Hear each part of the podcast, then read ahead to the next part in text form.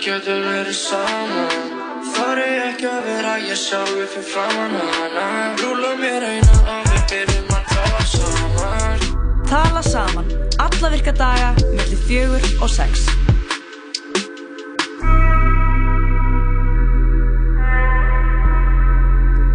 Já, að tala saman í dag. Við hilsum ykkur úr stúdíónu Jói og Lóa með ykkur á sem fallega 50 degi. Hvað segir í dag, Jói? Ég er hress og ferskur eins og prestur fyrir messu. Er Það? Já, eins og ykkur saði. Sko, það er svo góði dagur dag. 1. ágúst, þannig útborgunadagur. Mm um, dagurinn fyrir bara svona stærstu sumafrís og ferðahelgi ársins. Já, djam helgi ásins. Þannig að við urðum að hafa þáttinn í dag svolítið góðan, sko. Mhm. Hann er pakkaður. Hann er pakkaður, sko. um, þetta er náttúrulega líka í- sko, í ofan á einhvern veginn í allt, þá er þetta líka einhvern veginn bara besti sumadagur ársins Uh, í dag? Já. Ógeðslega gott viður Mm, já. Besti sumundar ásins. já, ég er bara að segja það. Við bara skrifum þetta það í benni og það bara, ekki? Það er bara því þinglýst hér með. Mm. Þetta sé besti sumundar ásins. já, um, sko, við byrjum hérna á frábærum gesti. Við erum að fá til okkar Brynildi Bolladóttur. Hún er lögfræðingur. En hún er ekki fara að tala um lögin í dag. Hún er fara að tala um Bachelorette. Er Um, einhvers svona lög sem því fylgja hlýtur að vera. já, hvernig lög, hvað heita það svona óskráð Já, svo ós- óskráðar reglur og- Óskjöfur reglur samfélagsins. já, þurfum að kafa hann svona í það Aðeins svona í það, sko. um, já, sem sagt, hún er búin að að fylgjast grannt með þessu og ætlar að kafa hans ofan í þetta með okkur hérna eftir Mhm. hún er bara rétt á komin uh, eftir það uh, ætlum við að heyra live flutting á læginu Læjar með Brynju lægið að fór í spil, spilina í byrjun vorsins hún er búsett í Hollandi en hún- er í stuttu sumafrí á landinu þannig að við greipum hana og hún ætlar að spila lægi fyrir okkur á kassagítar og vera með bakræta söngunu Úf, já, algjörstemming. já, suma lag sko Já. um, Jón Kristinn, hann verður á sínum stað hann ætla 40 að 50 dagur í dag Oh, yes. Jónki, sagfræðingurinn okkar, sagfræðineminn okkar hann um, er að fara að tala sko um lénskipulæðið í dag já, veist þú mikið um lénskipulæðið eða? Ég lifi fyrir lénskipulæðið. Ég lifi mínu Já. lífi sko í dag eftir lénskipulæðinu og Er það svo? Já, þannig þú að- er náttúrulega þú ákvæmst að taka ekki upp líðræði Mhm. eða bara svona venjuleg borgarleg réttindi heldur bara lifir eftir lénskipulæðinu Já. þú ert með eitthvað svona eitthvað jörð sem þú ert með eitthvað svona leigulega á og jú. svona nokkra þræla og eitthvað þannig Já, þetta er bara mitt, mitt líf og lífið sem, ég ég lifi það er ekki fyrir hana sko. Nei, einmitt. Ég held sko fyrst að þetta heiti Jens skipulæðið og þá var ég komið með allt annað dæmi í gang. Lénskipulæði Já, en ég er búinn að le leira þetta það og núna er kom- komin aftur í Jens skipulæðið Já, ok um, Allavega, Jónki hann verður hérna með fræðandi innslag að vanda. Og eftir það þá, þetta er svo pakkaði þáttur Mhm. Eftir það er hérna Glótis Guðgesdóttir, hún er jarðfræðingur um, og hún verður hérna með okkur eftir í liðnum Þetta sökkaði. Ok, Hún er með okkur sökkaða sögu. Það er geggjað þegar eitthvað sökkar. Það er uppáldið eitt Það er alveg uppáldið mitt þegar eitthvað sökkar. Sökkar harkalega. Mhm. og uh, fyrst að það er nú fortíðar 15 dagur Hún er að spila lög? Þá þurfa að spila lög og við byrjum enna fyrir hvað fjórum vikum á man, að spila músík frá árinu 2000 og erum að taka hvert ár fyrir sig og núna er komin, komin upp í árið 2004 þannig að Hvenær, þú veist, hvenær, verður, hvenær hættu við og þurfum að spóla ennþá lengri tilbaka, þú veist Veist hvað ég á við? já, ætla að verða ekki bara svona upp úr svona 2010 eða nei, kannski Já, ef við hættum 2010 og ef þá séum að byrja að telja niður, þú veist, fyrir aftur til, þú veist, kannski 1930. já, um já, stefnu. fara í spila þessi góðu lög frá árinu 1930 Nei, ég veit ekki alveg, alveg maður þarf við verðum að móta þessi stefnu bara Já, einhverja rýmur kannski. einhverja rýmur, já, hveðast á Varst þú eina þegar ég var með liðin það sem gerðist ekki á þessu ári Nei. á þessum degi Nei, hvað var það? þá var ég með á 40 FM degi svona Hluti sem gerist ekki. hlutur sem gerðist ekki Og hvort varstu að búa til alveg nýja hluti eða varstu að, þú segja hluti svona vittlaust að þetta gerist 2007, ekki 2008 eða þú veist. eða bæði en það var svona ég myndi ekki að segja að þetta hafi neitt skorin eitt sérstaklega hátt en þetta var áhugaverið tilurinn sko að sjá hvað hvort að hann að þetta var eiginlega bara það, því ég segi sko að nú, að nú byrji liðurinn það sem gerðist ekki veginn er svo lítið rann, rann upp fyrir þér bara Ó, þetta er ógeðslega hinskulegt. E, já, það gerði það eiginlega sko. Síðan var ég að lesa bara, já þetta, þetta, þetta, þetta gerðist ekki. og þá, einhvern veginn, var svo lítið hægt að tala um það sko. Byrna, með- já, Byrna með mér, hún var bara, Já. já, ok, þetta gerðist þetta ekki. Bara, nei. Eitt sem uh, gerst ekki í dag, á þessum degi, Mhm. ég fór ekki í styrtu. Nei, heldur ekki ég, við erum ekki með fyrir styrtu í dag. Það er aldrei að vita nema Maður að er- maður kannski takk í styrtulausan dag. Ég tók styrtulausa hana fimm dag um daginn því ég var að larpa og Svo uh, segir þetta eins og það hefur verið að fasta. Tók uh, styrtulesan dag og Já. hvernig breytti þetta einhverju fyrir þig eða? uh, sko, það er eiginlega bara förðu lítið mál að fara ekki styrtu svona lengi af því að líka minn byrjar bara að hreinsa sig sjálfur. Mm. Það er mjög stutt síðan held ég að við byrjuðum sem bara sem, Sem dýrategund. sem að dýrategund að þrýfa okkur eitthvað einu svona dag. Það er alltaf mikið sko, það er líka bara ekki til svona mikið vatn í heiminum sko. Það er svona mikið vatn á Íslandi. Já, já, á Íslandi skilur en við getum kannski gert þetta í einhverjum svona stöðningi við aðrar þjóðir Já. sem eigi ekki svona mikið vatn. Mm. Hvað, á ekki nota vatnið okkar sem eitthvað svona stuðningsyfirlýsingu? Já, Já, mig, en það er svona eins og bara, bara gefa þeim en það vatni er svona eins skilur og, nei við getum ekki Getum gefið ekki, jú, það. bara gera bara svona pípu. Bara, bara Ég er gunna búinn að vatninu ranns- úr landi. það- ef það er Jú, eitthvað sem ég er búinn að jú, rannsaka, Nei, bara Þá gunna er það vatninu ekki yfir umhverfisvænt að gera til, það. Til Evrópu. Setja vatnið þóka, nei, bandaríkjana.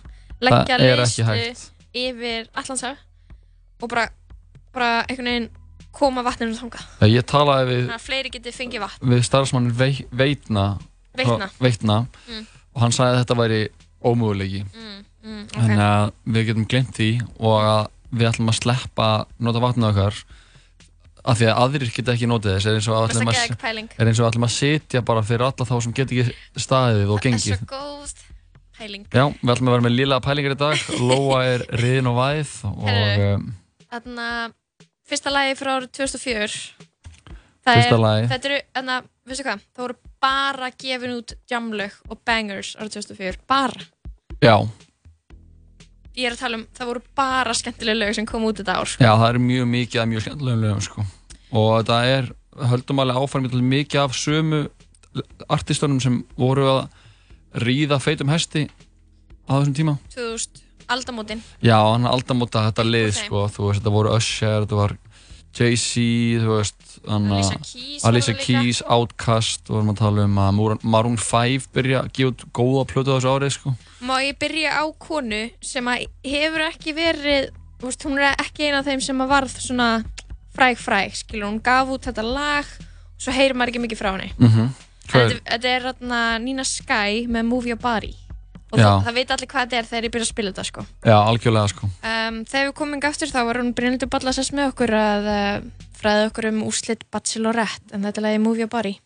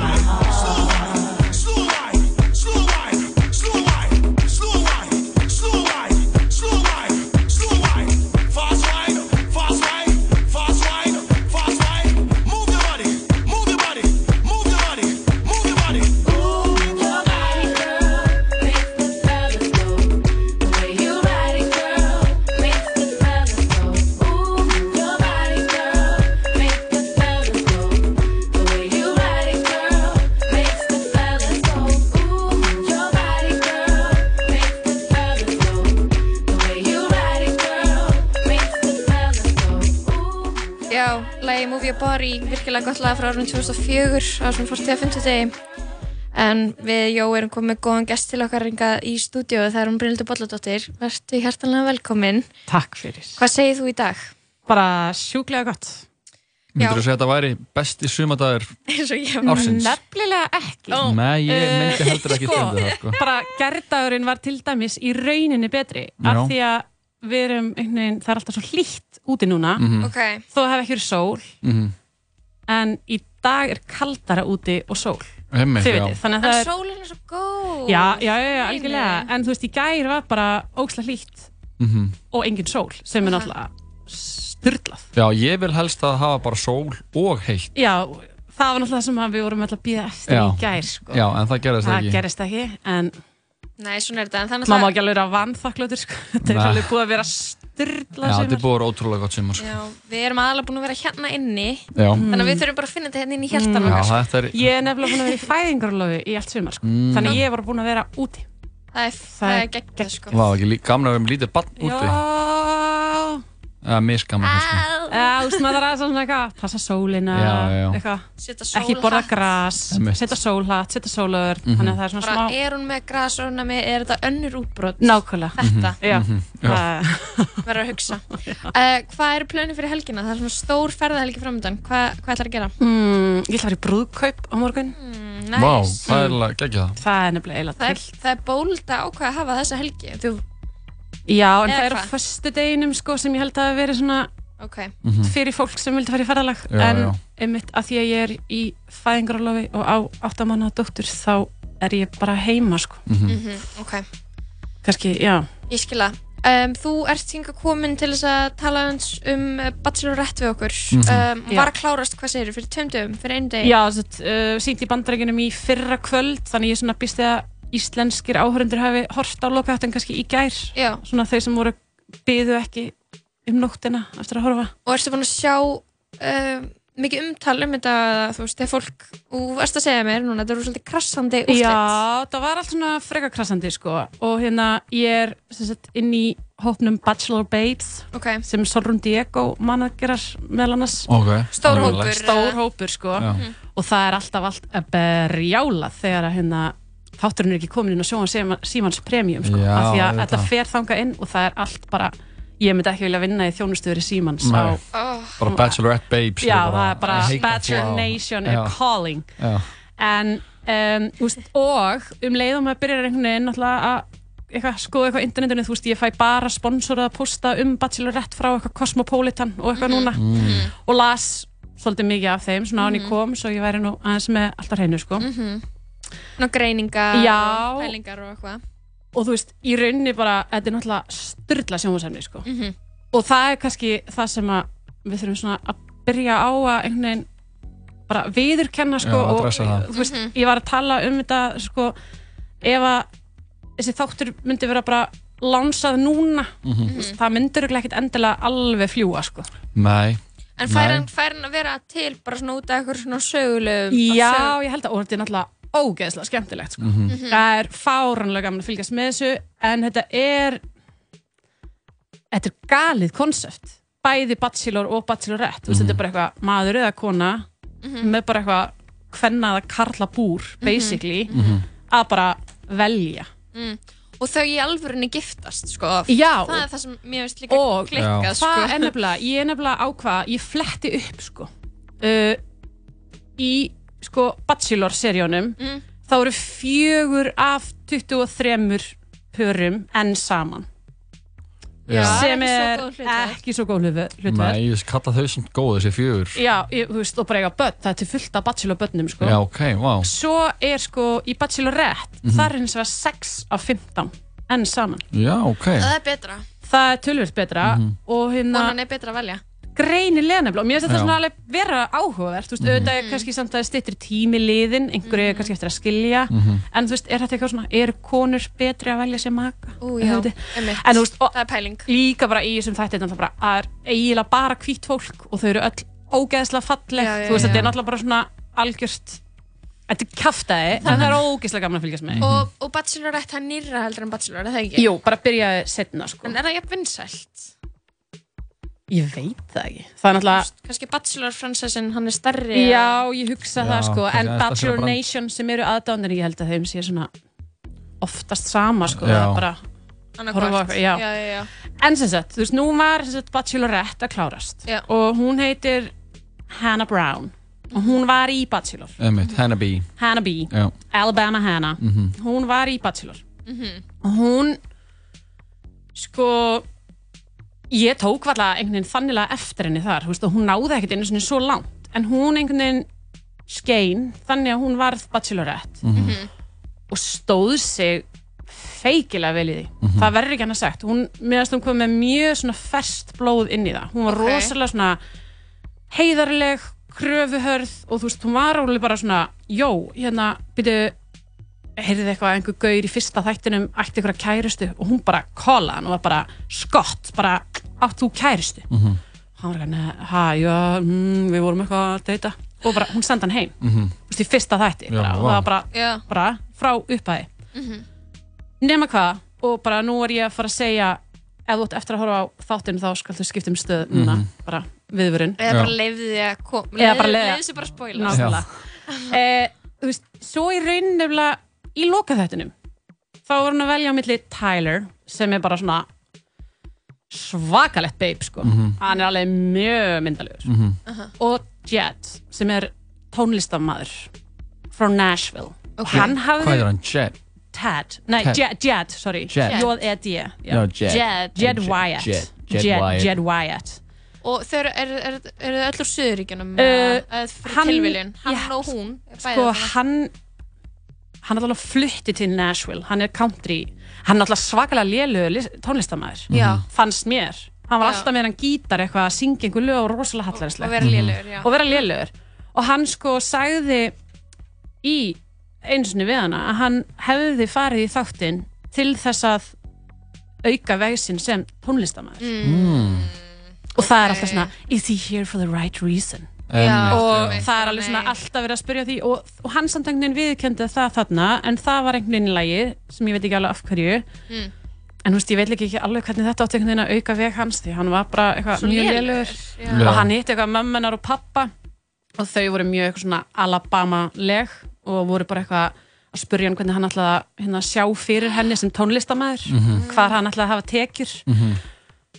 Og þá kom hún með frekar svona sterkan punkt fannst mér, þar sem hún var bara en ég get séð fyrir mér pappi Já. og þú veist, ég meina hún er náttúrulega sko bachelorette og Fækst hún er bara náttúrulega bara, gæsahúð. getur bara eitthvað, þú veist, verið að bara setja ykkur að mynda sér á Instagram með eitthvað nokko skilji og hún er bara með miljónir þú Einmitt. veist, skilji, hún Já. er alveg að fara að sjá fyrir Já, sér, sko einmitt. hún þarf ekkert mann og mér fannst það vera svona svo stert, að hún er í raun svona feminísk inn í þessu mengi Mhm. og maður má kannski ekki gleyma sko þetta er bandaríkin og þetta er ekki fyrir þú veist einhver eitthvað rosa flott lið í New York til að horfa á, þetta er bara fyrir bólin í bandaríkin Einmitt. sko. og hérna ég held að þetta sé alveg svolítið svona svona það er ykkur hugafarsbreyting já, þetta er svona eye-opening fyrir Já, já, mjög algjörlega. marga skiljið, þetta er kannski ekki fyrir okkur Nei. þú veist, við erum bara eitthvað, wow, flott hjá þér já, já. en þú veist, hún er bara frá Alabama Mhm. og pappin er bara alvöru í alvörunni þarna og þú veist, og svo var sko alveg bara svona heilt drama með gaur sem heitir Luke P sem ég Ok. eiginlega svona sem ég nenni ekki að tala um sko, af því Ok. hann er bara hann bara he's not worth it sko. hann er bara hann var stór fígura segir í þessari rosalega stór fígura og hann er að það er enginn verið að blíti í bara tengslu við sjálfans eða raunveruleikan sko. Nei, og hann sagt, er sannkristinn eins og Alabama Hanna þau eru bæði sannkristinn sem er líka náttúrulega bara einhver svona veruleiki sem við kannski tengjum ekkert eru sérstaklega við eru þau born again Christians eða eru þau, þú veist sko, hann mætti segja að hann væri kannski born again sko, því hann hefur til dæmis stundar kynlíf en svo sá hann að sér Já, og hann, já, já. hérna, Mm. hann, hann er í rauninni svona endur fættur skýrlífur já, Já, já. og hann sem sagt eins og er- Lóa já, eins og Já. Lóa Já. Ég gerir það reglulega fyrir að uh, læta hann að Gunnar í krossinum setja mig í svona stóra sundleg Já. fæ aftur meita á minn já, Já. nákvæmlega og hann, og þú veist, meidómurinn var úslega mikið eitthvað svona, hann var eitthvað, ég veit og ert ekki hrein mei Mhm. en þú veist, ef þú ert eitthvað hérna í fantasy suite sem er svona dæmi Já, já. veist, já. það sem þau fara Það sem allt getur það- gerst og það sem ekki upp. og það er ekki tekið upp það sem þau eru loksins ein bara, hann var bara á deiti, bara ég veit ekki hvort þú ert búin að fara á fleiri stefnumót en ef að þú stundaði kynlíf þar þá ætla ég að fara. Og hún var bara, uh, bara já, ég, eða þú veist, það var langt samtal en endaði bara, já, ég, ég gerði það. Já. og hann var eitthvað bara, ha, bara allir gera mistök. Og það, það rann upp fyrir henni ljós bara, ok, þetta er náttúrulega bara eitthvað síkopati Já, hann er náttúrulega bara, þú veist, hann er bara Luke P, controlling, eða? já, Luke P. Og hún sendi hann heim, sko, hann kom samt aftur og vildi byrja með henni og þetta er alveg búið að vera massa drama og er bara, þú veist, ég sá eitthvað á Twitter taka upp hanskan fyrir Luke P já. Og það, þú, ég sá að þú fórst að taka þátt í ykkur í rifildi já, þú en veist, náðu ég bara að leysa það já, þú veist, ég bara er ekki tilbúin að eitthvað svona bara vorkenna honum, þú veist, æ, Nei. það er svo leiðilegi við hann, Mhm. af því, þú veist, hann hann reynir bara að segja það sem allir vilja heyra. heyra. Já, og hann er alltaf að breyta um uh, nei, býtu, alltaf þarf að stoppa og hugsa. Uh, já, nei, mér þykir þetta mjög leiðilegt og alltaf, mm af hverju þykir þetta leiðilegt nei, nei, ég meinti ekki að mér þætti þetta leiðir þú veist, hann er bara, hann er Já, bara að já. reyna já, að hann er svona vélmenni sem já, er bara að reyna að fatta- finna hvað hann eigi að segja Já, já. þannig að öllum líki vel við hann Hann er bara náttúrulega psykópati. hann er það, sko Já. Aha. en hann er samt Algjör kongur. Mm. Nei. nei, Nei, nei, ok. ég myndi ekki segja það, Nei, sko ok. uh, hann er í góð formi Hann er í hann góðu ætlar að reyna formi. að komast á crossfit-leikana Ok, Mm. ok. Ó, sem Það eru er núna í gangi já, og það Já, eru ógsta voru- körrent Er að ógeðslega karra byrja bara eftir bara fimm mínútur held ég að sé að byrja. já það, Já. allavega það sem að mér finnst bara svona stjarnar þáttana er Hannah Brown. Mhm. Já. hún náði að skína, hún náði að koma alls konar, þú veist, og hann, Luke P var svolítið að slut-shame hana Mhm. og hún var bara, I'm not gonna be slut-shamed svaraði fyrir sig. Þú veist, hún svaraði fyrir sig og ég held að það sé fyrir eitthvað stórt Mhm. í þessu mengi sem að þau eru að vinna með. Þannig að hún 100% allavega endaði ein Hún endaði ein. Já, getur þú sagt okkur frá því, hvernig fór þetta? sko Jet, Mm sem hún valdi, tónlistamæður, Já. hún valdi hann og hann, þú veist, dreifði mitt, hann hitti pappinar þá var hann bara, og pappina var að spyrja hvernig ætla, hann ætlaði að sjá fyrir henni þá var hann bara, "Uh, já, ég er mjög stoltur að ég samdi hérna uh, jingle í hundamatsauðlýsingu þú veist, það Já. var svona hans helsta afreg sem er alltaf hræðilegt allan hún valdi hann, Ok. þrátt fyrir að mamma og pappi fílaði hann ekki, sem er líka svolítið svona, þú Já, veist, Já, já. gegn vilja Það er þeirra statement. það er Já. statement svo komst hann að því að hann átti kærustu eða þú veist, hann vildi meina að þau hefði bara verið eitthvað svona Eitthvað fling. eitthvað fling, eitthvað svona ekkert alveg að deyta Mhm. en þú veist, þau fóru eitthvað saman til Bahamas og bara, þú veist, Já, ok. alls konar þannig að hún bara skilaði hún Mhm. já, sem er freka vel gert. Já, það er bara flott. þetta er samt svo skrítið og pælir í því að bara svona eitthvað heil þáttaserja um bara eitthvað fólk er að reyna að mattsa saman og það bara endar á engu það er náttúrulega ógslag sorglegt sko. Já, ég held að, ég held samt ángríns að það sé eh, við fórum við í statistíkina aðan hversu mörgu af þessum pörum halda áfram ég held að sé bara Alabama Hannah ég held Já. að hún hafi bara fengið allt út úr þessu sem hann þurfti að fá nákvæmlega og nú Já, er hún bara eitthvað gorgeous Nú er hún bara með 2 miljónur einsta Já. og Og hún er bara í Nákvæmlega. góðum málum með en svo er ég líka oft búin að hugsa eitthvað æ, veist, þau eru bara eitthvað að byrja saman eftir bara að þú veist búin að vera í einhverjum tökum í bara eitthvað fimm vikur Mhm. þú veist og bara hafa verið einu sinni ein saman eða eitthvað Mhm. svo fór ég hans að hugsa þú veist, ég basically byrjaði með kærastanum mínum bara, bara þegar þú hittir hann bara þegar ég hitt hann já, bara sama hér þú veist, þannig að það, það er kannski ekkit þetta fólk þú veist- þekkist alveg þú veist, nákvæmlega, það er ekkit er ekkit endilega absúrt þó að Nei. aðstæðunar séu vissulega absúrt og hún er náttúrulega að deyta 25 menn í einu sko. hvað er, hvað er að þekka ykkur nákvæmlega maður þetta er svo Ó, góða punktur ó, Jói. svo er það. Uh, Brynildur, þakka að kella fyrir þessa bachelorette örskýringu.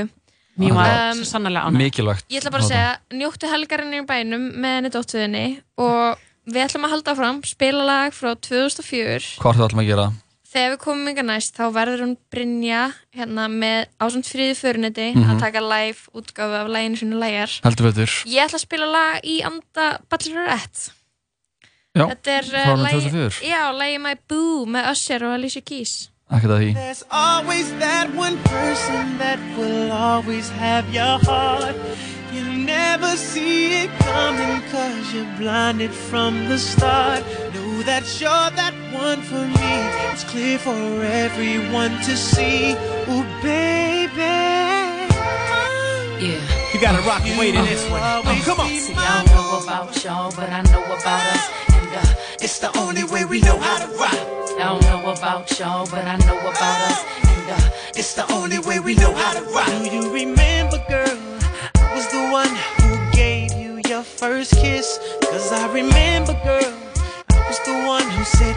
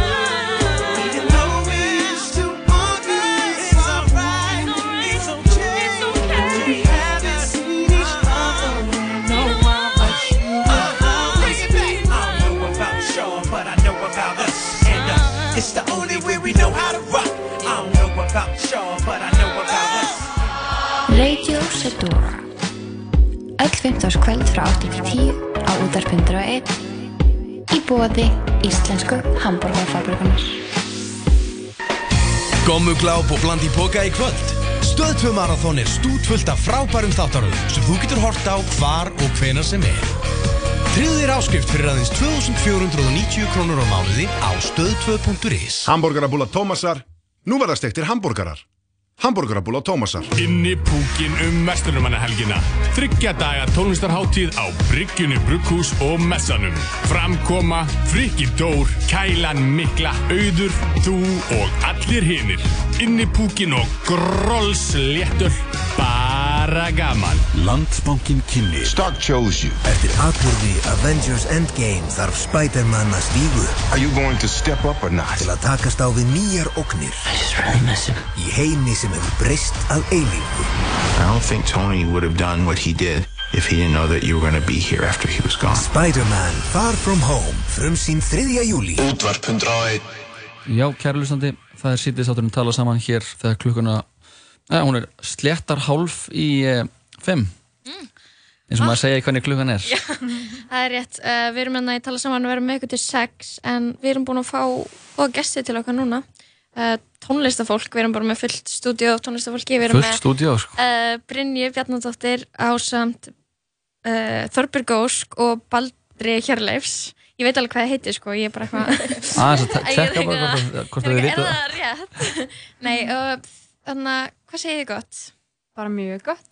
Mjög gott, mjög hress. Já, það er geggjað. Ég var að segja að þannig að veri besti sumadagur ársins, er þið samlað því að... Já, þetta er bara mjög næs. Við erum búin að setja út á klambrátunni Mhm. að æfa okkur. Ok, geggjað. Það er það geggja að, að sitja og spila tónlist út í góðu verið sko.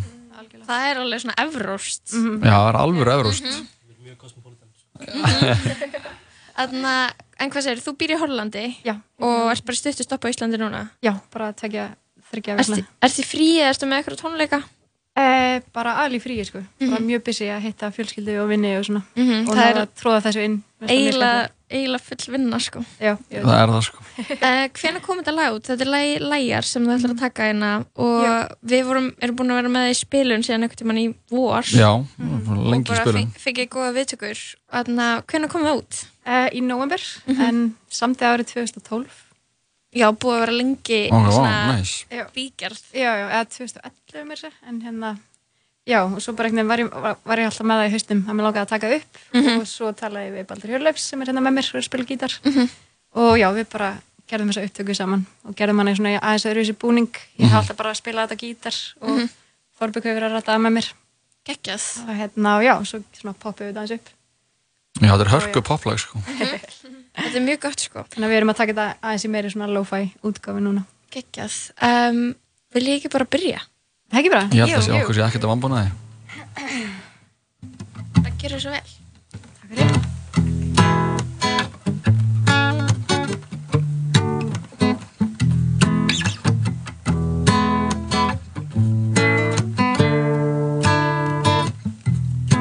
It would be a I told you I didn't cry when I didn't wanna hear from you again. It wouldn't be a lie if I told you that I'm shy to tell you how I'm feeling, my friend. Or maybe it's to be a liar, try to put out this fire. Maybe it's better that way. And maybe it's to try to focus on myself and hocus pocus. I won't think of you today. It would be a lie if I told you I didn't cry when I heard about that other friend of yours. It would be a lie, yeah, it would be my own lie. I cried for so many years. Or maybe it should be a lie, try to put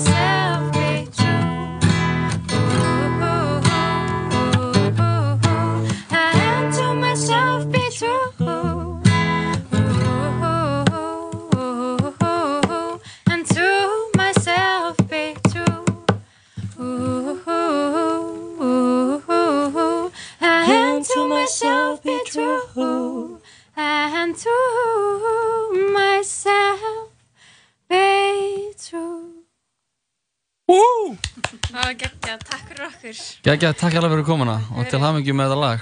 Takk fyrir það. Og eigi góða helgi. Já, góða vestló. Við ætlum að koma inn aftur eftir smá með Jón Kristinn. Það er fortíða fymtaður, við höldum áfram að tala um það sem var Uppáhaldsskipulagið þitt, ljanskipulagið. lénskipulæðið, við þurfum að tjekka á því. Um, hlustum, höldum áfram í tónlistinni frá 2004. Mhm. um, ég var að fíla þessa stelpustemmingu, en ég ætla að setja á stelpulag með Destiny's Child. Um að gera. Lagi Girl.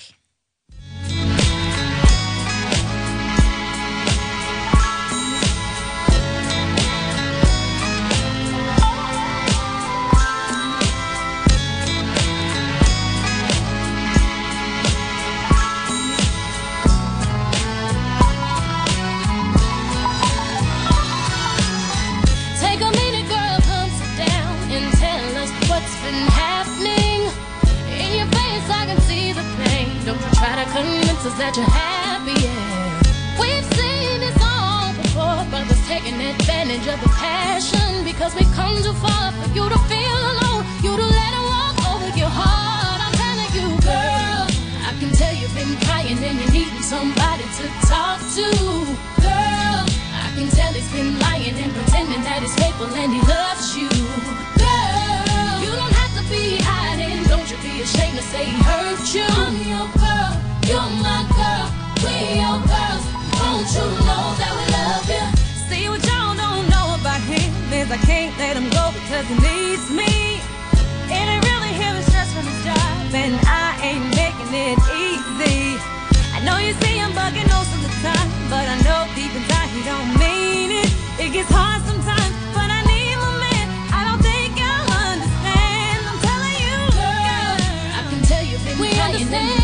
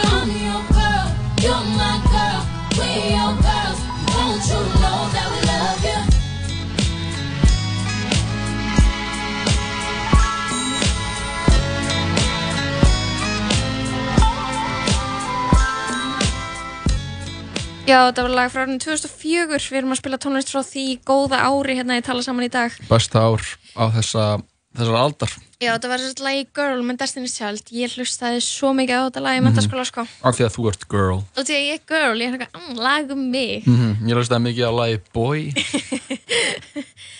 Uh, jú, Ah, alltaf að grínast. mm, en við vorum að kveðja um, Söngkonuna Brynju. Brynju Bjarnarsdóttir, hún var einn ásand, Baldri Hjörlefsinni og Þorberg Ósk og þau voru að taka lagi Læjar. Mm um, Við höfum ekki verið mikið með svona live flutning Nei, beint er, úr þetta er nýjung í er saman nýjung, og mér finnst það bara geggjað. Mér finnst það aðeinslegt. Það er fátt betra aldrei en live tónlist. Og nú erum við komið annan, uh, uh, hann er ákveðin, ákveðin tegund að söngvara en, en uh, hann syngur einungi sem hlutina sem uh, hafa verið og syngur ekki heldur segir frá segir þeim þá. með svona Þetta er svona, svona við- orðavali og Já, Jón Kristinn, sagfræði sérfræðingur þáttarins, verður velkominn. Takk að kjærlega fyrir. Það er 45 dagur. Það er 45 dagur. Ég segi Mhm. bara gott, takk að fyrir. Hvernig, hvað er planið um helgina? Þetta er náttúrulega 50 dags, um, 50 dagur. Já, það er 50 Jú, það er 50 dags, 50 Þetta er dagur. 50 dagurinn fyrir Vestlunarhelgina, það sem ég ætla að segja, Jói. Þetta er... Hvað ætlað þú að gera um Vestló? Ég er að fara að vestur Í geri Mýraboltann? alltaf. Sennilega ekki í mýriboltan. Hefur tekið þátt í honum? Já, Mm. það var mjög skemmtilegt. Mhm. Ég trúi því, sko. Alveg nóg að fara einu sinni, sko, fyrir mig Mi- allavega. Ég fari líka, finnst það mjög gaman, sko. Mm. Mm. Eða þú veist, en erfitt samt, þetta er bara miklu erfiðra heldur en það lítur út fyrir að gera, eða þú veist vera Já, að er- keppa í fótbolta í drullu Þetta er mjög erfitt, þetta er svona svolítið miðaldalegt, kannski. Já, herri, góðu segva inn í og sem þú ert að fara að fjalla með þetta í dag sem er hvað nákvæmlega, Jón? Mér, hérna, lénskerfið, þessi hugmynd. Ah, ég var að kalla þetta lénsskipulaðið, er það Já, ekki það það er sama? má líka, sko. Mm. Ég held að við getum alveg örgulega kallað þetta hvort tvekja. Léns skipulagið, lénskerfið. Uh, Jói vildi meina að þetta væri bara eiginlega uppáhaldskerfið hans, sko. Já, uh, skulum sjá til hvort að hann er sama sinnist þegar við hefum lókið okkur af. Nei, Jói veit nákvæmlega hvað þetta er, sko. Ok, ég þá bara kannski farið. Já, ég ætla að tala um lénskerfið í dag. Nei, ég get ekki sagt, ég man að ég lærði um þetta í grunnskóla. Já, akkurat. Ekki í mentaskóla. Nei, ég var í Þú svo... varst á undan í mentaskóla sögu. Ég var í svona advanced hana, sagfræði í grunnskóla Já, þannig að já. fórum í alla þessa helstu, helstu kerfin Hraðferð bara. Hraðferð Já, þetta var kallað hraðferð í grunnskóla. Akkurat. Nei, hérna, já, sko, um, lénsskipulega, þetta er svona til einföldunar, þá er þetta svona enska hugdækið feudalism Mhm. sem að er kannski hægt að miða við. Og svo eru til einsar þýðingar og, og, og, og einsar snúningar á því. Og við ætlum aðeins að kafa á henni í það hvað þetta eiginlega er. Og uh, svona eins og þetta er kent í mentaskólum og, grunnskólum þá er, er lénsveldið nota sem einhvers konar svona sópheiti um, til þess að skilgreina og, og lýsa samfélagsgerð Evrópu, að mjög kosti Vestur-Evrópu á, á miðöldum. Og það svona hefur ykkur einkenni. Um, í staðin fyrir uh, ríkisvald er einhvers konar persónulegt vald sem ræður ríkjum. Um, þú ert með lénsmenn og, og, og lénsherra. Og, og lénsmaðurinn er, er undirsettur lénsherranum uh, gegnum eitthvað svona persónulegt samband. Og, það er eitthvað gagkunar skildur réttindi á milli þeirra Mhm. uh, lénsmaðurinn leigir innan gæsalappa land af lénsherranum gegn því að veit honum herþjónustu mm. eða uh, vörur eða eitthvað annað og, og þetta er oft tengt við uh, dreifingu á miðstjórnarvaldi sem á sér stað í, í kjölfar, kjölfarið á falli Rómaveldis það er að segja valdið er ekki lengur saman þjappað í, í, í borgum eða einhverjum höfustöðum Mhm. heldur einhvern veginn Er dreift. eh, dreifist það svona út í, í hennar dreifuð byggðir Mhm.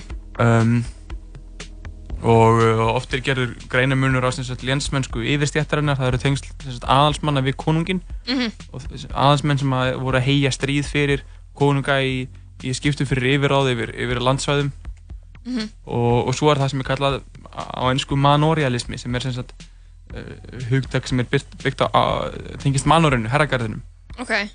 Byggjar því að, að í, í sveitum Evrópu hafi valdið þjappast saman í, í gegnum þessa herragarða Mhm. eða manor og, og, bændur á, á svæði hvers herragarðs hafi greitt sem sagt herragarðs eigandanum fyrir mm, tilveru eða sem sagt landið sem þau Mhm. yrtu á Mhm. með afurðum eða vinnu eða jafnvel peningum Hvað hva var þetta skipulega lengi við líði? um, sko við getum svona, í einum klassíska skilningi þá er kannski hægt að tala um að það nái einhverjum hámarki hérna í, á hámiðöldum Mhm. sem er um, veist, svona, tíunda, elletta, jafnvel tólta öld Mhm. og oft er nefnt uh, skipulag William Sigursæla í Englandi sem hann kom á í kjölfar domstagsbókarinnar 1080 sem er einhvers konar fyrirmyndar lénskipulag Ok. en það er á saman tíma mjög ólíkt lénskipulaginu í, í miða-Evrópu og Fraklandi Mhm. um, það er til dæmis miklu minni valdreifingi í Englandi einfallega vegna þess að þú ert með færri sem sagt, aðalsmenn undir konungnum þar heldur annars staðar Mhm. um, og, og, og þá komum við að því sko að, að hvernig þetta hugtak þráttur að vera mjög mikið notað bæði bara í almennir umræðu og, og kennslu á grunnum metaskólastígi og jafnvel háskólastígi og þú veist, það er alltaf oft talað um hérna, þú veist, þú veist með léns skipulag, Mhm. um, fjútalisma og svo einhvern veginn svona hægt og rólega með einhverju svona nokkrum millistegum uh, kemst það, er það búin við við kapitalisma í dag Mhm. þetta er einhvern veginn einhver svona einhver vegferð sem er oft, Mhm. uh, oft notuð í, í almennur umræðu og annars þar Mhm. um, en þá er þá er verða það sko að hugtakið lénsveldi eða, eða fjútalismi er algjört bannorð á meðal fræðimanna og miðaldafræðinga Á hverju? um, það sem sagt má reykja til frægrar greinar eftir sagfræðingin uh, Elizabeth Brown sem heitir The Tyran- Tyranny of a Construct frá árunnu 1974 Mhm.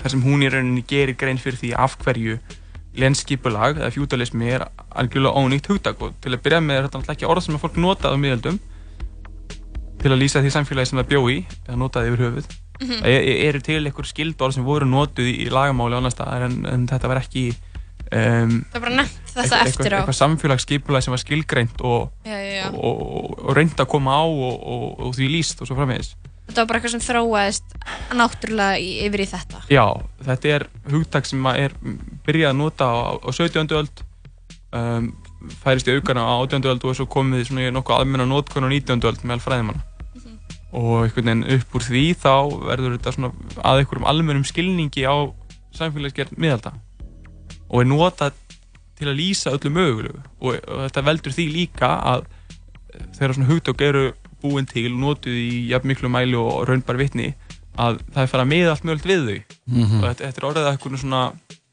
einhverju gullnu viðmiði uh, hversu, hversu lénsleg uh, samfélög eru. Að vil fara að bera lönd í Asíu eins og Japan saman við lönd í Európu og tala um að þau séu semi-fjúdal eða eitthvað svoleiðis Já, sem er alltaf algjörlega vita gagslust Já. um, og bara hættulegt að nota hugtök í, í þeim uh, þeim skilningi Mhm.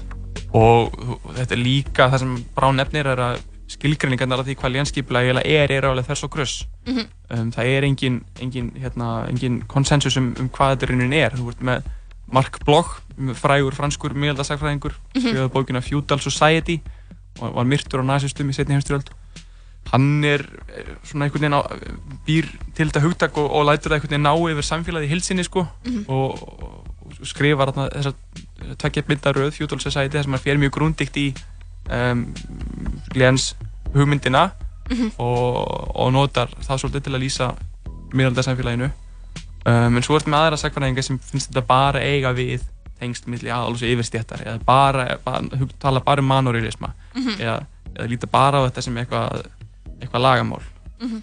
um, og, og svo er bókinn The Feudal System eftir Susan Brown um, eða Susan Reynolds fyrir ekki þar sem hún í rauninni heldur í fram að miðaldasakfræðingar hafi verið að bara mislesa lagahugtök í marga áratví að, miðaldafólk hafi í rauninni ekki lagt sama skilning í ímjöss hugtök og menn hafi haldið það er Ok. að segja sko að þetta, þessi valdreifing og þessi skortur á ríkisvaldi hafi ekki verið til staðar á, á, á sama hátt og og uh, fyrri fræðimenn sagt, fræðimenn okkar, okkar tíma hafa haldið fram Mhm.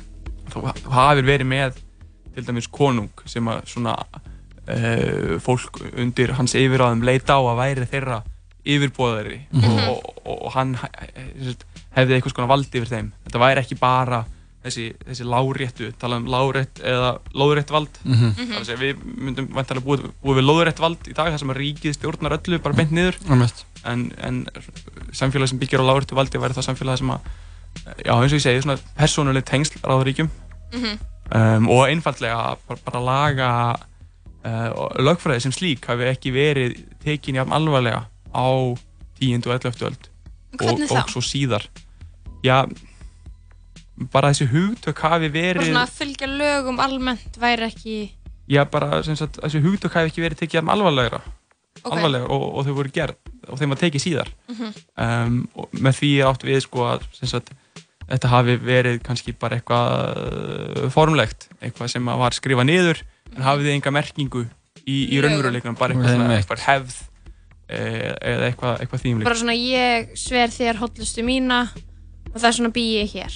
En ekki eitthvað svona... Já, en, en ég er ekki að vinna fyrir þig í 50 daga ári heldur er þetta einhver arfur frá uh, ykkur í hefð eða eitthvað. Aha. En þe- Þetta er náttúrulega sko, er ég að hérna, setja þetta fram eins og þessi alveg klift á skorið sem þetta er náttúrulega alls ekki Já, já, já. og, og ég er mjög langt frá því að vera ykkur, ykkur sérfræðingur um þetta þannig að við setjum bara þann varlagna á, á þetta Já, ég held að við séum Um, alveg örgum höndum. En þetta er náttúrulega vekur sko, þá spurningu sem er kannski það sem ég veist áhugaverðast í þessu er spurningin um sko, af hverju er verið að ef þetta er bannorð á meðal miðaldafræðinga og, og fræðimann sem stúdur þetta tímabil og kalla F orðið með þessa feudalismi Já. á meðal þeirra um, af hverju er þá verið að kenna þetta í grunnskólanum og mentaskólanum eru er, eru uh, byrjendur í sögu eru, eru þeir svo um, vittlausir að Þeir höndla ekki núansa. skýringar Mhm. á sögunni þeir eru að, þeir eru að pakka þessu í einhverjar Mm. einhverjar, einhverjar þægilegar neytenda umbúðir Já, með mitt. um, ég ég myndi segja nei en Mhm. þetta, og þetta er náttúrulega skilur 95% fólks bara þeirra söguþekking er bara það sem það lærir í, í, í grunn og mentaskóla og svo eitthvað svona, einhverju svona nöggveitar sem að sem að detta einu öru kóru Nákvæmlega. og, og af því leiðir að, að þetta er bara þeirra skilningur á miðöldum Já, og þetta er vist bara samkvæmt þér stór misklingur. já, eða samkvæmt hérna, Miðaldafræðingum. miðaldafræðingum já. Já. Og ég held að ég sé alveg tilbúin að skrifa undir þetta. Já, þú Ég varst- fullir þér hérna fyrir þetta Þú varst mikið fyrir ljanskerfi en bara fyrir um það byrj korteri. Já, ég beði þetta náttúrulega bara á vitnuski sem ég hafi fengið í grunnskóla og, og ég get ekki reynilega ekki treyst á að, að þar sé Getum við þarna sett þetta þessi samingi við þættina Game of Thrones? Nei, ég hef ekki hort á eitt þátt Uh, Það er svona eitthvað ljanskerfi í þeim. Já, það er lenskar í þeim. Það er skiluru, eitt skiluru sem er aðal og svo margir sem þjóna honum, svona marga mismundi fjölskyldur. já, já, já og ég menn, skilur, það, það svoleiði skipulega var alltaf staðar á einhverjum stöðum Mhm. skilur. Já, já, já. en um, það er spurning hverju núansætnir voru og, og Mhm. hversu mikið uh, 500-600 ára tímabili er hægt að fella allt undir sama hatt og heila heimsálfu Mhm. og ég meina það er náttúrulega ber líka að nefna að þessar hugmyndir eru sem eru setta fram á, á 8. og 9. og 10. árdögnum, eru svona einhverju leiti hluti af mm, postmodernískri uh, bylgjuna sakfræðinar þar sem að fólk Set, fræði með um snúast allt. gegn sem sagt, Mhm. svona hugtökum sem eru mm ma margt er fellt undir og þeirra Mhm. reynt er að útskýra mjög stó, löng tímabil og, og stór landsvæði með einföldum hugmyndum Mhm. og einhverju leiti hefur um, verið barist á móti þessum hugmyndum eða einhverju leiti hefur, hefur výlinan að fæst tilbaka á síðustu árum eða skiljið hvað við Mhm. Þú veist, það hefur hérna, einhvers konar uh, einhvers konar raukikja Mhm. uh, komið inn sem að segja já, ok, býtum við, ok, þótt að hérna, fjúdalismi sé kannski einhverju leiti ónýtt hugtak, þá er það nú samt þannig að þetta átti við á einhverjum stöðum einhverjum tíma og það, það voru einhver einkenni uh, lénskerfisins sem að voru vissulega til staðar og svo framvegis Aha. og, uh, og, og þess vegna til að mynda er það er oft það er svolítið kannski ætti að segja að það sé búið að uh, mjokka þetta svolítið niður í hugtakið thief, thief holding Ok. sem að vísar þá til þessara léna bara sem sagt, einungis Mhm, mhm. uh, og, og, og þeirrar uh, þess, þess verknaðar að- vera lénsmaður annars manns Mhm.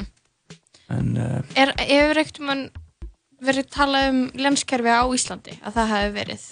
um, svona- ekki í, í, í skilningi miðalda það er svona Nei. almennt talað í Skandinavíu hafi uh, uh, er, er hugtæki fjúturismi ekki notað Já. og þetta er á, á mjög mikið við að minnstu leiti við lönd þar sem að flutningar, þjóðflutningar eiga sér stað og, og lönd sem eru, eru tekin yfir af öðrum sem ekki, það er alltaf ekki til þessum tíma voru ekki eftir þjóðriki en það eru konungar eða herir sem að fara yfir og taka Frakland, Þískaland og Já, já, til dæmis. Og, og þessi þjó, miklu þjóðflutningar kom ekki til Skandinavíu sko, þannig að það er miklu meiri hefð þar uh, fyrir því að bændur jafnvel eigi sitt land sjálfur og svo hefur hef verið nefnt að þessi lönd hafi bara einfallega ekki verið nógu auðug til þess að byggja upp eitthvað svona lénskerfi. Mhm. og uh, svo er talað um óðalsrétt á Íslandi að hann hafi staðið í vegi fyrir uh, lénskerfinu en það er nú ekki umræði sem ég þekki mjög vel Nei, ummitt. Já. Áhugavert, uh, Jón. Já, þetta er svona uh, núansar já, þetta er svona gott dæmi um, um hérna, að það er ekki allt sem sýnist Nei, Nei, það það er er mjög mi- mikilvægt því ég, maður einhvern veginn, þegar maður lærði sögu, að ég lærði sögu, þá litlu sögu sem ég lærði í grunn og mennskóla það einhvern veginn leit maður, tók maður öllu bara sem bara það, það, ok, þannig er rauninni, sko. staðarindir á ferðinni Já, sagfræðingar eru mjög gernir á að halda sko, að almenni lesendur og yngra fólk sé skilji ekki uh, flóknar útskýringar á fortíðinni. Einmitt, og og, hérna, já, og reyni að pakka þessu einhvern veginn saman á, á þægilegan hátt sem að veldur síðan svona rugli. Einmitt. Jón, þakka kærlega fyrir komuna. Takk fyrir mig. Uh, ég segi nú bara góða ferð vestur. Já. og njóttu verslunar helgarinnar. Já, sannkallaður vestur Íslendingur. Mhm, Við Jói, við verðum hérna með, með þér í dag til sex, kæri hlustandi. Já, höldum áfram að spila tónlist frá árinu 2004 og hvað heldur ég ætla að bjóða upp á núna? Ég bara er spenntur að fá að heyra. Um, þetta lag verið miklu uppjáldi á mér þegar ég var krakki en við þóttu textin afar grófur. Mm, þetta er lagið Fuck It, I Don't Want You Back. I don't want you back með Ímon Já, gott lag, fáum að heyra það og hlustum á við komum aftur að vörmu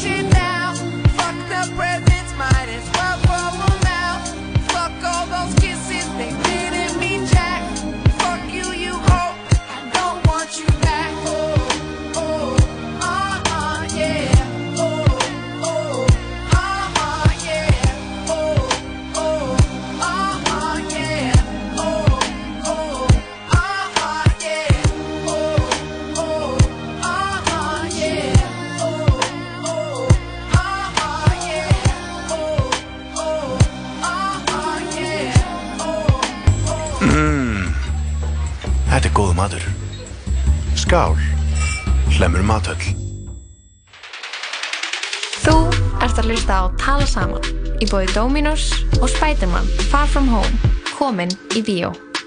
Já, kæri lusandi, það er sítið sáturum tala saman þegar klukkan er á slæginu 5 Jóhann Kristoffer og Lóa Björk með þér hérna í sítiðinu og uh, já, það búið að pakka þáttur við höldum áfram og uh, næst ætlum við að uh, ætlum að halda fórum að hlusta á tónlist frá árinu 2004 Já, hvaða lag ertu búin að velja, Jói?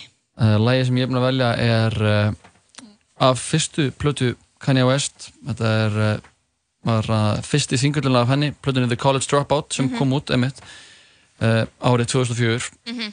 Lægið heitir Through the Wire og uh, fór í 15. sæti Billboard Hot 100 listans og uh, í læginu þá syngur Kanye um í rauninni svona lífsleysu sína þegar hann í kjölfar bílsli sem hann lendi í Já. og hann syngur þetta lag að tekið upp held ég að þú veist hann lendir í bílslis í 2002 Mhm. ég held að sé sko uh, í rauninni kemur þetta er á fyrstu plötun hans en þetta kemur út sept, í september 2003 sko, þetta er smá svindlag Já, ok. uh, en hann syngur þetta þegar, þegar hann er svona uh, munnurinn hans er svona víraður saman af því að hann braut á sig kjálkan Ok. þannig að Þannig að hann er í alveg að syngja það þannig í þessu lægi? hann er að syngja, já, með bara munninu lokaðan sko Ok. og árið 2005 fekk þetta tilhemningu sem rapplag ársins Mhm. en hann tapaði fyrir uh, læriföðu sínum Jay-Z með læginu 99 Problems og Hefur ekki eh, bara hlustað á það? ég held að sé ekkert að gera nefnum hlusta á lægi þetta er Kanye West, lægið heitir Through the Wire Yo, G, they can't stop me from rapping, can they? Can they, hot? I spit it through the wire, man. There's too much stuff on my heart right now, man. Gladly risk it all right now. It's a life or death situation, man. Y'all, y'all, y'all don't really understand how I feel right now, man. It's your boy Kanye Titter. Shot Town, what's going on? Uh-huh, yeah, I drink a goose for breakfast, an insure for dessert. Somebody order pancakes, I just sip the scissor. That right there could drive a sane man berserk. Not to worry, Mr. Ace to the Izzles back to Wizard. How do you console my mom or give a light support? Telling her son's on life support. And just imagine how my girl feel. On the plane, scared as hell that a guy looked like Emmett Till. She was with me before the deal. She been trying to be mine. She a Delta, so she been throwing that dynasty sign. No use me trying to be lying. I've been trying to be signed. Trying to be a millionaire. How I used two lifelines. In the same hospital where Biggie Smalls died. The doctor said I had blood clots, but I ain't Jamaican man. Story on MTV, and I ain't trying to make a band. I swear this right here, history in the making, man. I really apologize to everyone right now if if it's unclear at all, man. They got my mouth wired shut for like, I don't know, the doctor said like six weeks. You know, he had reconstruct, I had reconstructive surgery on my jaw. I looked in the mirror, half of my jaw was in the back of my mouth, man. I couldn't believe it. But I'm still here for y'all right now, man. This is what I got to say right here, though. Yeah. Turn me up, yeah. Uh, what if somebody from the shadow was ill? Got a deal on the hottest rap label around. But he wasn't talking about coke and birds, it was more like spoken word. Except he's really putting it down. And he explained the story about how blacks came from glory and what we need to do in the game. Good dude, bad night, right place, wrong time, in the blink of an eye. His whole life changed. If you could feel how my face felt, you would know how Mace felt. Thank God I ain't too cool for the safe belt. I swear to God, driver two wanna sue. I got a lawyer for the case to keep us in my safe. Safe, my dogs couldn't tell if I. I look like Tom Cruise on Vanilla Sky. It was televised. It's been an accident like Geico. They thought I was burned up like Pepsi did Michael. I must got an angel. Cause look how death missed his ass. Unbreakable. What you thought they call me Mr. Glass? Look back on my life like the ghost of Christmas past. Toys R Us where I used to spend that Christmas cash. And I still won't grow up. I'm a grown ass kid. Swear I should be locked up for stupid that I did. But I'm a champion. So I turn tragedy to triumph. Make music that's fire. Spit my soul through the wire. You know what I'm saying? When the doctor told me I had a um, I was gonna have to have a plate in my chin. I said, dog, did you realize I'll never make it on a plane now? It's bad enough I got all this jewelry on. She can't be serious, man.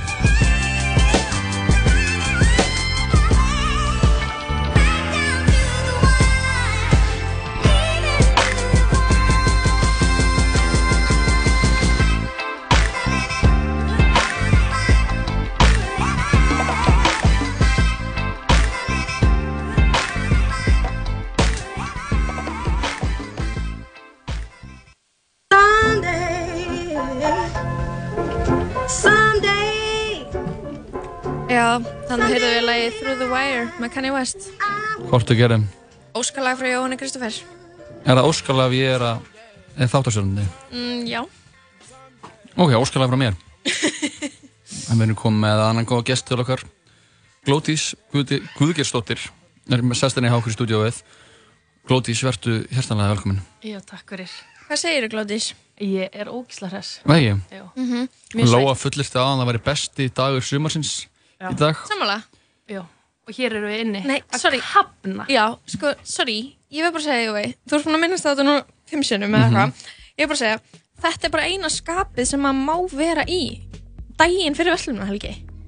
Það er bara, allt er best. Mhm. Það er bara besta helgi heimi framöndan. Já. Þú veist, þetta á bara að vera svona. Það, það á bara Já. keira upp bara jákanna, Það er ég sem er leðilegur, ég bara skal viðkynna það.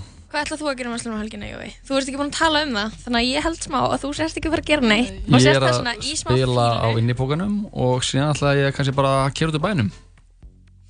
Mér finnst þetta bara að vera frekar svona temmilegt plan. Hvað með þig, Glódís? Hvað er planið um helgina? Ég er í sama. Ég verð á innipókunum og svo passa hund. Mhm. Innipókin, Bara hundur. Mega næs, já. Ég er bara nákvæmlega sem ég, Nei, Já. ég er ekki að passa hana, því ég er á hund. Við getum kannski heist. Já, hundana. með hundana. Þetta er svipaður hundar. En Glódís, hvaðna, við glemdum að kynna, við sögum bara Glódís, en þú ert jarfræðingur. Ég er jarfræðingur. Já, hvað gerir, hvað gerir í vinnunni? Uh, ég sérst fekk sumastarf, ég útskriðast núna með BS uh, og fekk sumastarf hjá Íslenskum orkuransóknum og þetta er svona svolítið löngsaga ef þú Mhm. vilt að ég fari gegnum hana. Já, já, við höfum Eh, náðan tíma, sko. Já. Þátturinn Eh, þetta sex. Hún er bara fimm núna. Það er sem sagt verkefni sem hefur verið í gangi á Ísland sem heitir Carbfix. Mhm. Þið kannski kannist við það. Nei. Nei, hvað er það? Þá er sem sagt, uh, það hefur bara verið núna upp á Hellisi úr virkuninni þar. Er barnið Mhm. að fara... Æ! Barnið er að lappum. Batni er að chilla meðan Eh, þú ert í viðtalið, það er æðislegt. En já, það er sem sagt, uh, það er náttúrulega virkun á Hellise- Helliseðinni. Einmitt. Og það kemur alltaf í svona jarðhita virkunum, það kemur alltaf smá koldusýringur upp Mhm. þó að sé miklu minna heldur en uh, aðrar virkjanir Mhm. uh, sem sagt með það sem er verið að bre- brenna ólíu til dæmis og en þessi koldusýringur sem kemur upp það er verið að gera uh, niðurdæling á honum Mhm. til þess að binda hann við bara steinana djúft onni í uh, bergið, djúft onni í jörðinni Mhm. Ok. og þetta á sérst að binda koldusýringin sem að er svona okkar helsta, jarðarinnar helsta hætta, Mhm. bara við erum alltaf að fara til fjandans Mhm. þannig að þetta er að minka koldusýring og ég er sérst núna upp á nesjavöllum Hvernig? Á neysu öllum að, bild, að nei, binda, nei. ég er ekki byrjað því þetta, það á sérst að færast, þetta er búið að vera í tíu ár í gangi uh, á hellisiði Mhm. og núna á ég að fara og mátt alveg taka badnið, hann er ekki það er sérst badnjana Við erum með barnina. Við erum með og barn. Og Flóni ætlar að passa það. Flóni ætlar að passa barnið. Ég held að hann sé badgóður uh, og ég er sérst á Nesjavöldu núna Mhm. að gera grunnmælingar á því hversu mikill koldfíseringur kemur bara náttúrulega upp úr kerfinu Mhm. og uh, sérst eftir ár eftir ár þá Herru, hlustum á eitt lag Tökum smá pásu fyrir barnið og höldum áfram að spjalla. barnið og komin aftur þetta smá. Hlusta á eitt gott jamlag frá árun 2004. Já, tjekka maður. Thank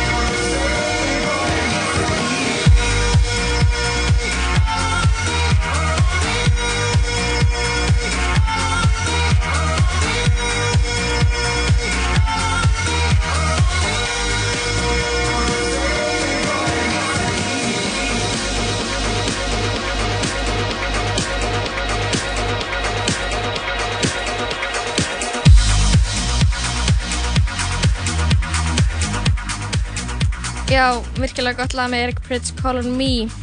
En við Það erum er með, uppbólslag margra, meðal annars mín. þú setur þetta ofta á, þú ert að DJ-a. Já, ég spil þetta reglulega hér á DJ. En við erum með góðan gest hjá okkur, glótið sér, við þurfum að gera stutta pásu á koma barninu í pössun. Það er komið í pössun. Bara flott, sko. Já, poptalistamæðurinn Flóni, passan á vatnið. Já, en þú varst að segja okkur atna, frá því sem varst að gera Já. á nesuvöllum. Það sem ég er að gera klára það. nesjuvöllum er að ég er að mæla, er að gera örugglega 2000 mælingar bara yfir uh, mest allt svæði þar sem er jarðhitti á nesjuvöllum og ég er að mæla hversu mikill kvaldvísýringur kemur upp úr jarðhittakerfinu, bara Mhm. náttúrulega. Uh, það er til þess að síðan verður koldvísýring dælt niður á örgla svona 1000 til 2000 metra dýpi þar sem að koldvísýringurinn á að breytast í steind Mhm. steindina kalsít Já. Aha. Og uh, þá eru til mælingar þannig að eftir ár þegar að búa að dæla þessu niður þá eru aftur sömu mælingar gerðar Mhm. til þess að sjá hvort þetta sé nokkuð að fara þú veist, bara að sleppa beint út í andrúsloftið þá er Mhm. þetta náttúrulega tilgangslust Já. og Du, er þetta einhver, einhver ný tækni eða hefur þetta lengi verið gert og er þetta það sem mun bjarga okkur frá sko, yfirvóðandi yfirvóðandi heims heims eitthvað Enda. heims enda, segjum Já. það bara er þetta eitthvað Sko- svona sem all væri hægt að nota í fleiri tilvökum Já, það var verið að gera samning með stóriðun á Íslandi um að þau voru að sína áhuga við þessu Mhm, ok. Sem sagt að þau vilja taka koldvísýringin sem að þau eru að valda eða Mhm. útblæsturum þeirra Mhm. og dæla honum eitthvað lengst á jörðina Mhm. og emi, þetta mynda bara steind þannig að þú ert ekki lengur með þetta á gasformi Mér er sko mjög flotta steind Mjög fallega steind, Bara mi- kalsít Ég á Google it. alveg svona kalsít sko Já, þú átt svona. En Já, svo en þú líka- veist þetta er svona gælusteinn Já, en Já, fjólubláður. algjör gælusteinn. Mhm. Fjólubláður, Nei, nei. það er ametist já. En svona hvítur með svona röndum Já. Já. Uh, svo líka H2S gas og það er svona rotten egg uh, eggjalikt sem að maður getur stundu fundið Mhm. Í sturtu í sundlaugum stundum. Já, og líka að þið keiri yfir hérna heiðina þá er svona, hver var að prumpa Já, já, já uh, Það verður að dæla því gasi líka og það mynda líka geggjaða steind sem er sérst pýrit eða glópagull og er svona Já, gull, ótrúlega gullsteinninn. Já, Mhm. og það er held ég svona meira heilsuvendalega séð Mhm. mm því að það má ekki vera á mikið af H2S það getur þú veist, það er ekki til nóg mikla rannsóknir þannig að fólk er svolítið hrætt um það. Það verður það að andi svo mikið að sér. Já, það meiri svona heilsuvendar og koldvísýringurinn er umhverfisvendar Ég veit ekki okkur, en ég held að þetta væri brennisteins Já, Þetta já, er það, ok. þetta er það. Ok, Árétt hjá þér. Mhm. Damn. Smart. Super smart með LG síma. Þetta er ekki elgir sími Það er uh, stendur yfir smá svona svona deilur, svona erjur millir mín og Jóa upp á hvort að sími minn sökki eða ekki Já, sökkar hann? Nei, þetta er bara Android sími Já, emmi Það er eitthvað svolítið illa séðina Nei, ekkert sérstaklega illa að sé, sko, en bara svona, ég ris voru ris, eins og Ok, ég segja. ok, ok uh, Glódís uh, Þetta var mjög fróðlegt Yes, En gott þú ert líka komin ykkar í liðin þetta sökkaði, uppáhaldsliðin hans Jóa Mhm. Jóa elskar að heyra af hrakförum annara Já. Er það ekki? Jú, og verða vitnaðum líka. Já Svona gaur sem fílar svona að horfa á bara svona hamfarir Mhm. í rauninni Já. um, Erst þú með eitthvað svona Ég er kannski ekki Virkilega- með hamfarir ekki hamfarir. En ég er alveg með frekar sakkaðarsögur Ok. Ok. uh, Ég er með tvær Ég get alveg verið með fleiri En Tvær er bara flott Er það ekki? sko. Já, Jú, er flott, sko. maður þarf ekkert að þú veist einhvern veginn opum afhjúpa sig allan í Nei. einu skilur það Nei, er ja. betra að gera yfir lengri tíma Mhm. Ok, fyrsta er held ég frekar stutt Ég var sem sagt búin að vera í einhverjum hríðum að reyna að fæða bann í svona Mhm. 12 tíma og uh, fæðingastöður alls svona frekar litlar inn á landsbytalinum Mhm. og ég var búin að fá endalust af hérna mænudeyfingu og hún virkar alveg þannig að þú veist, hún er bara í klukkutíma max og þá máttu fá næstu Mhm. þannig ég var alveg komið með bara svona einhver heroin frákvör, bara, bara að skjálfa bara allt og langt í næsta skamt Mhm. eitthvað svona cold turkey dæmi Mhm. Og ég bara komið með ælupoka fyrir fram að mig. Og mér langaði svo mikið í meira. Eða mér langaði svo mikið að líða vel og þetta er mér ömulega Mhm. og við erum í þessu litla þungaherbergi og þú veist, eitthvað svona svaka framkvæmdir fyrir utan. Mhm. þannig að glugganir voru lokaðir. Bara eitthvað út að riki og háfaða og svo var náttúrulega bara 28. des þannig að það var ískalt. Einmitt. Herðu Steinþór, minn ekta maður hann bregði sér hans út. Kemur síðan inn í þessa öruglega 8 fermetra lokar hörni og opnar sér fucking roast beef samloku Vá. Já, Já, þú veist, þið þetta er veitir hvernig svona í heltekur herbergið Remúla, situr laukur og... Þetta er eitthvað svona nýtt level að því að hafa eitthvað svona taktleysi Já, að kona er að fæða algjört. bann Mhm. en þú verður nú að borða Bara, rústbíf ógeðslega svangur, mér langar bara í roast beef Mhm. á þessi moment Já, þetta er svona algjör svona Simpsons Family Guy Já. Það er svona, Já. svona American einhvern veginn. Seinfeld eitthvað. Já. algjörlega. Og hvað gerðist? Eldur eða? Nei, ég, þetta var akkurat tímapunkturinn sem ég mátti síðan byrja að rembast. Já. þá gæti svona hægt að hugsa um hvað mér leið illa og gæti bara að fara að rembast. Já, já. En kom þetta fæðingun á stað eða? Ég gæti verið, öruglega Já. Steinþórs Já. Akkurat Það er alltaf gott sko. Já, það getur verið nafn á skáldsögu. Rústbíf samlokana Steinþórs Já, það ekki, eða smásögu kannski. Jú, einmitt Já. Án jokes En þetta sökkaði Þetta hvað Já, Svo vil ég fá að heyra næstu sögu strax já, ég til í eina Ok. aðra sko Sko, þetta þú, Lóa, ert alltaf að tala um að vera skömmuð Já, ég hata að vera skömmuð Ég hata það Já. Ég var sérst með Sæju í Mhm. sundi Mhm. og Sæju vinkonuðinni Já, Kristínu Sæjunni Mhm. uh, og við vorum að koma upp úr og vorum báða með sjampó í hárinu en vorum ennþá í sundfötunum Mhm. og þá kemur ykkur svona örgla milli 50 og 60 kona Mhm. Og bara fröken, fröken kanntu ekki að lesa? Og ég eitthvað stend hana með sjampó í hárinu. Eitthvað ha? Já, kanntu ekki að lesa? Ég eitthvað, jú, ég, ég kann að lesa. Já, þá veistu það að þú ert að fara úr sundvötunum áður en þú þverðir. Ég bara, já ég, ég er að koma upp á lauginni. Mhm. og ég hef aldrei séð neina konu verið að vandræðilega held að hún hafi flutt úr landi Oh my god, Já. af hverju eru þessar meðaldra konur alltaf að skamma alltaf. mig í sundi og greinlega glóti sér líka? Jói, Ég verð- hefur ekki verið skammaður í sundi það? uh, mm, Jú, bara því ég var krakki sko, þá var eitthvað svona eitthvað þú ert að fara úr, eitthvað þú þvoðir þá var alltaf eitthvað svona nett perralegi kallar sem voru að setja með svona, með svona prik og pótimann Eitthvað svona, þú ert að þóði Já, en þetta er liðin tíð, nú er ég að- aðalega meira að byrja sjálfur að skamma Já. túrista í sundi. Mhm. Ég meika það ekki sko Fyrst maður hefur verið skammaður þá meika maður ekki sjálfur mm, Já, mér langar bara einhvern veginn ekki að skipta mér af fólki Nei, í sundi Akkurat Ég er bara, því ég sé einhver fjölskyldu þú veist, kannski er einn gaurinn í fjölskyldunni í ból Úff. bara þurr að lappa út Já. þú veist, bara beint úr búniskleganum sneiða fram hjá sturtunum Mhm. og er bara leiðinu lög þá, þá, þá væri ég að skipta mér að það, sko Gott ég er Það verður ykkur að gera Mhm. og það, menna, þú, þegar þú ert eitthvað, ég veit ekki hvað þú ert að anna prakarast Ég veit ekki, veist, ég er bara að spjalla við vinið mér ég er í alveg bara að gera svo basic hluti Já. og fólk fyrir að sketsa og ég er bara eitthvað svona, með oh anna my god. símaðin á lofti Þetta- það er banna að vera með síma í búniskleganum Já, það með Taka myndir. Taka myndir á öðrum. En þetta er bara eitthvað í alveg, þetta er bara svona næsta næsta bara slagur druslugöngunar. Er bara eitthvað meðaldra konur hætti að skamma yngri konur. Þetta er Já. bara næsta feministka barátta. Já, þetta er mjög aðkallandi. Þetta er svo aðkallandi ég er svo þreytt á þessu. Þetta, þetta sökkaði, Klódís. Já, þetta sökkaði. Við ætlum að kveðja þig og setja á eitt gott 2004 lag, Jói. Já, á hvort- þessum fortíða fundi Já, hvort við ætlum. Ert, að, Má ég velja þetta lag? Já, þú mátt velja þetta lag. Já, en uh, við ætlum að hlusta á lagið It's My Life með hljómsveitinni No Doubt. Fyrst þegar við vorum svona að tala um að skamma og hvað maður má og hvað maður ekki. Mhm. Nice. og þau eru eitt, eitt gott, gamalt og gott hljómsveitinni No Doubt lagið It's My Life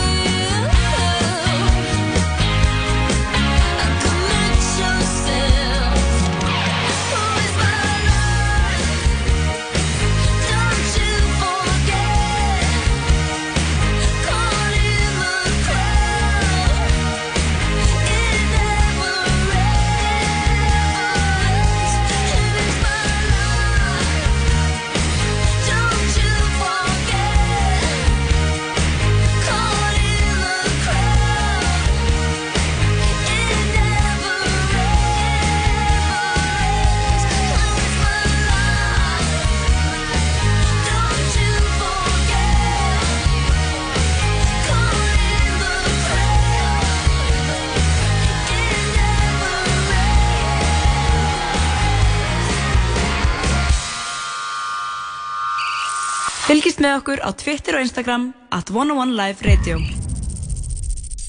Fimm staðir og allir opnir frá 11 til 22 alla daga vikuna. 14 stöðuvar og 7 sundlugar á aðeins 6.840 krónur á mánuði. World Class. Bíó í kvöld Þú getur valið úr meirinn 800 kvikmyndum inn á Stöð 2 Marathon sem þú getur hort á hvar og hvenar sem er. Tryggðu þér áskrift fyrir aðeins 2490 krónur á mánuði á stöð2.is Þú getur hlusta á alla þættina af Tala Saman á Spotify. Jú, þú getur það sann, svo sannarlega, Spotify, við erum þar með alla þessa skemmtilegu þætt okkar. Sýtisátturinn tala saman heldur hér þegar klukkuna vantar 24 mínútur yfir 5. Jóhann Kristofur og Lóa Björk með erinn í sítaðinu kæri hlustandi. Vorum að kæðan að glóti sig jarfræðing og mm, mannesku. Já, hún er manneskja. Hún var að segja okkur, var hérna í liðnum þetta sökkaði, segja okkur tvær frekar sökkaðarsögur sem uh, við munum efalust setja ná vefinn. Þannig að þú kæri hlustandi, ef þú mistar aðeim getur nálgast þær Mhm. inn á vefnum okkar 101.live á morgun. En við höldum áfram og ég ætla að færa okkur hérna frétt. Lóa Björk, ertu til, tilbúin í það? Þú að færa mig fréttir.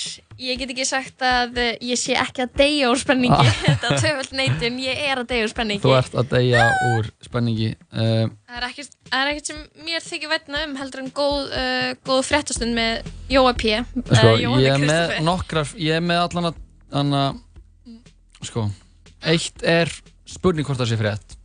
Er þetta frétt? En annað er, þetta tengist bæði Instagram. Ok, eitt, ég ætla að fara fyrst bara eitt, þannig Mm. uh, sem ég rak augun í á uh, gramminu í gær. Uh, Fegurðar dísin og fegurðar keppna, uh, hún er svona mógull í, þe í þe þessum gera, í fegurðar samkeppnum. já. Í þeirri aldagömlu list að keppa í fegurð. Manuel Ósk, uh, hún er Já, hún er hvað? Hún er yfir þannig Miss Universe Iceland og uh, Queen Beauty Iceland og uh, alls konar svona keppnum. Hún Queen var, Beauty Iceland, það er nýjasta keppnin, sko. já, með þess að geggja nafn Queen Beauty Iceland. Þetta er bara, uh, þetta er eitthvað svona, veistu hvað, þetta þarf að vera notað í ykkur sketsa þætti, sko. Queen Beauty Iceland, já. Já. Þetta er eitthvað svona orðaröð, orðaröð sem ég eitthvað en, Ég skil ekki. Nei, ég held að ég myndi aldrei heyra, en allavega hana. Mhm. Uh, Manuel Ósk létt í, að postaði mynd í gær, að fyrir dag, hvað heldur, þar sem hún er með gjafaleik. Mhm. Og uh, það stendur hérna bara, ég ætla að lesa árið rétt. Gjafalegur, aðtugið, aldurstakmark 18 ára. Í samstarfi við, við The Word Group á Íslandi ætla ég að gefa einum hefnum einstakling varafyllingu og mótun. Það sem það ert að gera til að taka þátt, fylgja The Word Group á Manuel Ósk, mikilvægt að fylgja báðum, taka vin eða vinkonu, gangu vel. Og uh, já, ég, ég bara svona, ég staldra við. Mm. Og þú varst hugsi. Ég, Ég, bara, ég myndaði með skoðun á þessu á sekundubróti. mm ég vil fá að heyra hana. Þú fyrst þína. Nei, ég, ég er bara að færa fréttina og þú ert með The Hot Takes. Hvað Ok. er með það?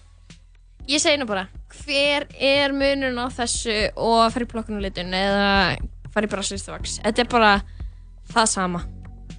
Uh, er engin, finnst þetta ekki stigsmunur á þessu? Finnst þetta ekki svona, Nei, svona lengra? það er örgulega þægilega á, að fá varafyllingu heldur en að fara í vaks. Ef við, að, ef, við erum að spyrja, ef við erum að velta fyrir okkur inngrip og eitthvað svona sársökustig og eitthvað ég er bara eitthvað, já já, þetta breytir alveg útlitinu en það er alveg, það er svo mikið hlutur sem maður gerir til þess að breyta útlitinu og svo líka, horfa það saman núna Mm Þú ert náttúrulega eiginlega ekki með það aðeins. horfa það andlitið með Já, ég er að horfa á Já. andlitið þér. ef ég væri með svona varir Já. hann myndir ekki dæma mig fyrir að fara í varafyllingu og núna eru allir hérna úti með stóru varna sínar Eins og að leggja einhvern áfellistóm á þá sem vilja fara í varafyllingu Mhm. bara myndir að segja þetta og væri með litla varir nei, þú væri komplísarur yfir því Já, ég er bara svona... þú ert með hjúts varir Mhm. Fjóru sinni fjórir, fjóru sentimetrar Ótrúlega stórar og svona þykkar. já, þykkar uh, varir sem er alltaf skröf ég er alltaf skröfið þeirra og það blæðir endalist úr þeim. Nei, ok, það sem ég er að segja, Jói, öllu, öllu gamni sleftu, Mhm. ég bara skil ekki af hverju við ætlum að fara að gera eitthvað svona hýrarki fyrir eitthvað svona feruraðgerðir. þetta er allt eitthvað svona aðgerð og ingrepp, skilur við Akkur er, akkur er eitthvað munur á þessu litin og plokkun, skilur við um, Það bara Þetta er ekki vera eins og þetta sé magaminkunar aðgerð Þetta eru Nei, tvær þetta er- sprautur sem já. svona súb og súb, skilur Mhm. í varinnar og, þá, og svo lekur það út á endanum Mhm. Ég veit ekki eins og hvort þetta er óholt, skilur kannski Mhm. En þú veist, ég er bara, tak, ég er bara að vera devil's advocate, skilur Mhm. núna Mhm. bara hver er munurinn ef eitthvað getur útskýrt fyrir mig munurinn þá skal ég vera sammála um að þetta sé toxic story Mhm. hjá Manuel Ósk Mhm. Ég veit ekki alveg, það er alltaf bara svona, dálítið svona smekksatriði hvar, hvar þessi stígi liggur. Mm-mm. uh, þú veist, hver er munurinn að fara í klippingu og litin og og plokkun að raka sig, vaksa sig. Hver er munurinn að fara bara í klippingu og fyrir sturtu? Þú veist, hver er munurinn að kaupa sér ný er og fara út að hlaupa? hver er munurinn að bara vakna mótnana og bara fara í varafyllingu mér, finnst alveg, þú ert farin að sprauta þig Mm. þá ertu komin á, á næsta stig í einhvers svona fegurðar anna, í einhvers svona leita einhvers svona the ideal body. En ok, Ertu ekki sammála því? nei, tölum að sem þetta. Fólk sprauta sig á hverjum degi út um allan heim fyrir sykusíki Já, af því að ef það myndi ekki gera það þá myndi það deyja. Ert þú með svo þinnar varir að þið langar ekki út úr húsi á það, því fólki langar líka að deyja. Þetta segir mér, þetta bera það saman að vera með sikisvíki og vera með svo þunnar varir að þú getur ekki, þorir ekki fara út úr húsi af því að það langar frekar að deyja. Já, ég er að því. Já, ég, þannig að ég, ég er ekki hérna að fella áfællistóm á neinn. Nei. uh, Mér finnst þetta vera smá problematic að, að vera að Hún með þetta í story. Nei, þetta er bara að vera að gefa af því að hver er markkópur þannig að Fólk með þinnar varir. Já, nei, markkópurinn eru ungar stelpur. Og þegar þú ert svona fullorinn fullorinn einstaklingur Mhm. og ert fyrirmynd og anna ert einhvern veginn svona Sorry, en ef Manuel Óskar fyrirmyndin þá eru varafyllingar í story ekki fara að vera þitt stærsta vandamál sko. það er ekki að fara að vera það Nei, maður- þú veist samt að hún er kannski að hún talar til fólk sem er kannski með annað eitthvað, veika hjálpsmynd þegar þú segir fólk, það segir bara að hún tala til fólk sem er lilla varir Nei, og hún talar kannski hún er, hennar markkópur er kannski annað, með svona mótanlegri sjálfsmynd en aðrir. Og þegar hún er farin að segja, herru, þið getur unnið þetta henni á mér að fá, er hún þá ekki bara að stuðla að annað brenglari líkams? Nei, þessi kona, hún er búin að vera að gefa brunkusbrautun, hún er búin að vera að gefa þetta og þessa beauty meðferð og er að gefa- þetta við gefa andlitið insúlín. og þetta við insulín og ég er bara eitthvað, æ, þú veist þetta er löngu, eða þú veist, ég skil bara ekki, það er bara út því að þetta er sprauta skilur við, fólk fólki finnst það kannski ekki bara ekkert tiltökum mál skilur við Nei, mér sker ég að sprauta eitthvað ég var ég bara í feysaði mér sko. Ég þannig að, en jú, kannski, þetta er kannski alveg rétt sem að segja þetta er, þetta er allan mjög bara on brand fyrir hennar Já, þetta er bara eðlileg þróun. Þetta er eðlileg þróun, hún er bara með Queen Beauty Iceland og Miss Universe Iceland og Ég meina, þú, verð, þú vinnur ekki Queen Beauty Iceland nefnum úr sprautin okkur sem ég varnar að það, skilur við já, mitt og það er bara þannig. Og ef við ætlum að þykast að sé einhvern veginn öðru veist, það er eiginlega bara meira toxic að þetta sé alltaf einhver náttúrulega ferð bara, nei, þetta er það ekki, skilur við Mhm. og að það eru inngrip, skilur við já, Þú við og tölum sér bara já. fyrir inngripunum hér. Nei, við erum bara að segja hættið að raða þeim upp í eitthvað svona e- eitthvað, eitthvað svona, það sem er mest, mest í lagi og minnst í lagi. Já, það er, það er engin munur á því að fara í klippingu og fá sér varafyllingu. Það er, það ekki. Lóa Björk eh, með Anna, take dagsins hér í dag. Og ég ætla að halda áfram að spila góða tóna frá árunum 2004 ég ætla að spila þetta er sexy stelpu anthemið. Mm og það fer ekki milli mála. Þetta Ok. er lagið Lose My Breath með Destiny's Child. Now you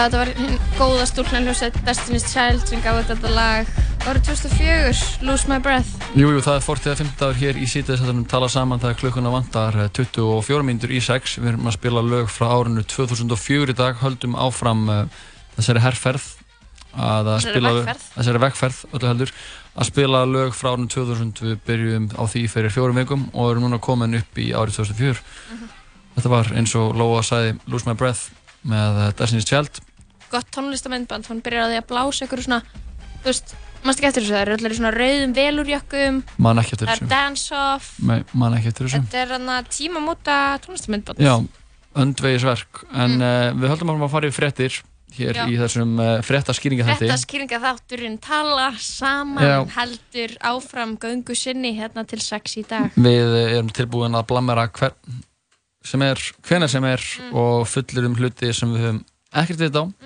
en uh, stöndum með þessum fullilingum fram í rauðan döðan Mhm. og myndum deyja fyrir þær uh, Það var áhugavert sem uh, gerist á Instagram í vikunni Við erum enn aftur að fjalla um Instagram. Uppáhaldsmiðlun okkar. Uppáhaldsmiðlun okkar Það sem gerðist var að það var ákveðið svona ákveðið hreinsun sem átti þessi stað eða purge Já, meme purge, ertu að tala um það? Já uh, að minnstakosti 30 stórir svona meme uh, aðgangar Við erum kannski akkántar. að fara að kalla þetta uh, jarm, já, jarm, jarm, síður. já, jarm aðgangar eða jarm síður á Instagram Eftir að við tölum um þessu frétt, þá ætlum ég að segja alla uppáhalds íslensku jarm akkántarna mína. Ok, Ok. við býðum spenntandi því Já, Fyrst, vonandi eru þeir ennþá til. já, ég held Eftir að þeir hafi ekki orðið fyrir barðinu á þessari nýju anna herrferð hjá Facebook sem náttúrulega er eigandi Instagram þar sem gerðist var að uh, já, að minnstakasti 30 stórir jarm stóra jarm síður voru takna niður Já. fyrir að uh, brjóta gegn uh, reglum eða þú veist, terms and services hvað segir Já, maður, Bara notendaskilmálar. notandaskilmálum Instagram Já. og uh, Og voru það það svona innihald efnisins eða hvernig? Já, það er í rauninni það sko, það er að, að, að, að þessar jarmsíður, Já. það eru mikið svona að endurpósta uh, jörmum sem þau hafa fengið annar stað frá Já, já. og ekki að uh, geta til hver á þetta réttin eða hver, Já, hver hver já, bjóða þetta grín til Já.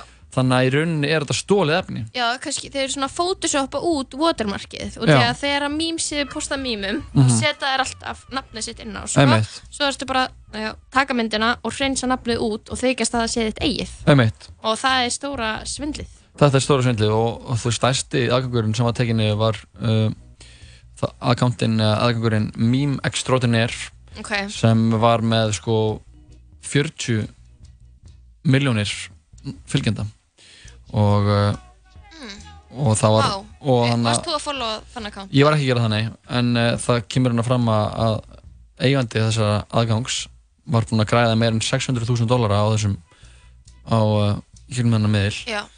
og uh, annar Það virkar svo þannig fyrir það sem ekki vita svona mýmsíður, það verða mjög vinsalar Mhm. posta mikið efni sem að vekur aðteglu og er fyndið Mhm. og svo fara þau á stað með í alls konar svona auðlýsingadíla Já. í rauninni og bara svona eins og áhrifavaldar gera sko nema bara mím og grínsíður Mhm. og það er virkilega áhugavert líka eins og Fuck Jerry sem er virk, mjög stór mýmsíða í bandaríkjunum. Einmitt. hann er bara ógeðslega ríkur sko. Já. en hann var ekki tekið niður eða? Uh, nei, en hann er náttúrulega með samt, sko, mjög margar uh, með mjög margar síður. Já, og ég get alveg trúað að einhver af hans síðum hafi verið hann á listanum en ég horfði einu svona mynd sem heitir hann The American Meme. Ok, hið ameríska jarm. Og uh, og þar var tekið viðtal við við við Fuck Jerry að með mynd, myndinni. Að tekið viðtal við gæði sem kallar sig The Fat Jew. Gyðingurinn. Já. Uh, hann varð hefur sjálfur verið ásakað mjög oft fyrir að vera Að stela. og hann er alltaf bara með fólk í vinnu hjá sér við að, við að gera grín Já. og stela gríni. Og Fuck Jerry sem er svona einn af þessum stærstu líka Já. hann er náttúrulega bara með núna sko auðlýsingafyrirtæki og það kemur fram í heimildamöndinu um Fire Festival. Já, já. en því þeir voru þeir sem voru að marka að setja þessa Fire hátíð. Festival, já. bara tala við eitthvað áhrifavalda og búa til eitthvað alls konar dót Mhm. og content, já, þetta er, bara, þetta er ekki bara mýmsýður, þetta er bara content efni Þetta eru bara fjölmiðla veldi. Já, einmitt, það er ótrúlegt hvernig mým hefur fyllt inn í eitthvað svona skarð í fjölmjölum Já, það er skrítið líka út af því að þú veist, svo ratar þetta líka svo oft í fjölmjöla, svona eins og núna Mhm. og svo oft sem að, úst, einhverju meðlar skrifa einhverja fréttir upp úr einhverju mým já ég hef bara grín. frétt á vísi bara um að eitthvað svona uh, eitthvað öldu, öldulaug eitthvað bilaði Mhm. ég sá þetta vídeo fyrir nokkrum dögum að það var hann að eitthvað svona öldulaug eitthvað, eitthvað sundlagarði sem svona bara snappar og það kemur bara risa alda og bara lið bara neglist burt Mhm. og ég bara, vá, þetta er fyndið. Síðan sé ég bara frétt á vísi, bara tugir slasaðir eftir að ölduvel fór hamförum. Og þá einhvern veginn er mýmið einhvern veginn ekki alveg að- svona, maður getur ekki að hleyja mikið það er sendur tugir slösuðust inn á mýminu? Nei, það stendur ekki á mínum, inn, inn í fréttinni. Þannig að það er frétt og svo er búið að gera mým upp á bara, nei, ég sá vídeoð fyrst. Mím fyrst, sem mím? Sem mím, já, sem bara eitthvað svona inn á mím síða, sem, að jarm síðu heldur, það sem bara var að vera þannig að ölduvélinn bara að krassa á okkar lið. En núna er bara komin inn á fréttin á vísi það sem er, hann að vitna í frétt umfjöldun Washington Post Mhm. um að minnst 44 hafi slasast í atvikinu. Þannig að það getur... hættir að vera að fyndið Já, þetta hættir að vera að fyndi og það er mjög mikið bara, ég tek eftir þessu líka bara í íslenskum fjölmjölum að það er, það er hann að gripnar gripin jörm Mhm. híðan og hvaðan og bara úr þeim eru já, bara, bara, sett inn bara sem eitthvað svona kommentari eða svona aðtöðasamdir við fréttir Mhm. oftast Twitter og eitthvað svona einmitt og uh, já, þetta voru yfir 30 síður sem voru teknar út þannig að eru fleiri, eru svona fleiri þarna sem maður kannski kannast við það það er females doing things Já, ég held ég hafi heyrt um það. Nutted, love.s þú veist, Suckle Your, Sup David þetta er bara eitthvað svona, það það, heitir alltaf eitthvað svona fálum nöfn náttúrulega sko. Já, og þetta er bara búið skilur bara forever. Er það sant nei, þú veist, kannski kemur þetta aftur en þú veist, account, accountinum, þú veist, aðganginum er bara lokað, það er ekki, þú veist, sett í bann. Það er bara ég lo- held að það sé ábyggla, já ég held að það sé bara lokað sko. Lokað, lokað. Og það er ábyggla erfitt að að vera einhvern veginn lifibröðið er að vera með jarmsíðu held ég að við myndum mæta í vinnuna og bara setjast niður við skrifborðið okkar og byrja að búið til mím ég meina ég var alveg bara til í það sko. Það var alveg ég myndi, ég myndi vera þreytt að það fljótt sko. já en það mér snýst finnst það alveg gaman að gera mím en ég get ekki, þú veist. Þvingaði til að gera það. Nei, þetta, þetta, er er svona dæmi sem gerist þegar það gerist. Já, mitt. En uh, við slum fá eitt lag viðbót. Já, þetta, er, uh, þetta er gott lag. gott lag, við höldum áfram að hlusta á tónlistráðinu 2004 síðan ætla að koma að hlusta eina frétt að fara eina góða frétt í viðbót Mm, mm. áður en við dröfum saman þáttin og hlustum á loka lagið í dag en þetta næst síðasta lag frá árinu 2004 er með rapparunum Chingy og uh, nei, Jay Quan Já, Jay Quan, ég er, ég er rugglast Þetta er Jay Quan og lagið heitir uh, Tipsy Drinking is very bad. Yo, I got a fake ID though. Yeah. Yeah. Yeah. Yeah. Two step with me. Two step with me. One. Then comes the two to the three to the four. Everybody drunk out on the dance floor. Baby girl ass jiggle like she want more. Like she a groupie and I ain't even no tour. Maybe cause she heard that I rhyme hardcore. Or maybe cause she heard that I buy out the stores. Bottom of the ninth and the city got the score. If not, I gotta move on to the next floor. Here comes the three to the two to the one. Homeboy tripping, he don't know I got the gun. When they come to poppin', we do this for fun. You ain't got one stick and you better run. Now I'm in the back getting eaten from my huns. Why she going down, I'm bragging on what I done. She smoking my stuff, saying she ain't having fun. She give it back, now you don't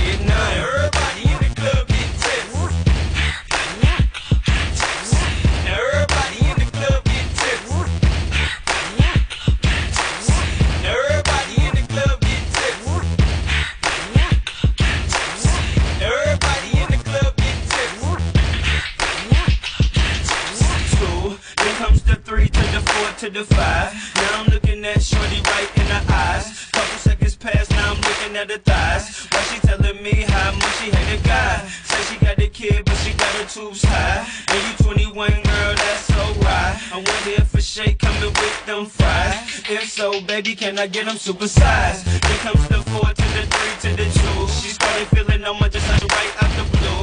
And you super thick, so I'm thinking that's cool. But instead of one life, I need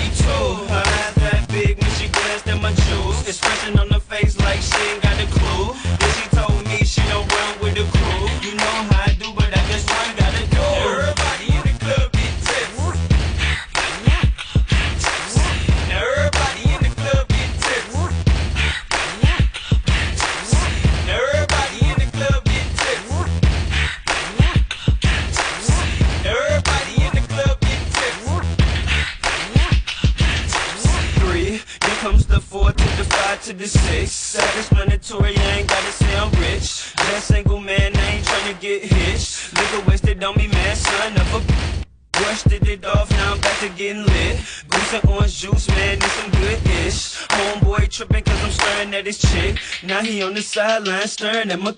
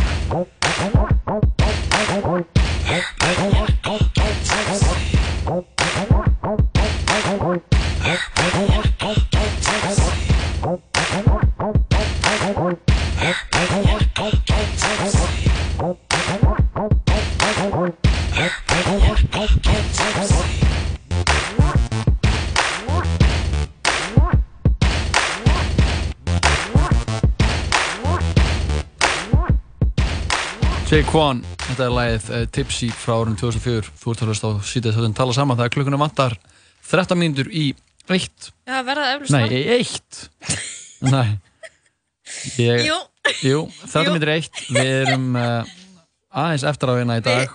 Erum uh, sérfræðingar í að segja villust frá klukkunni. Já.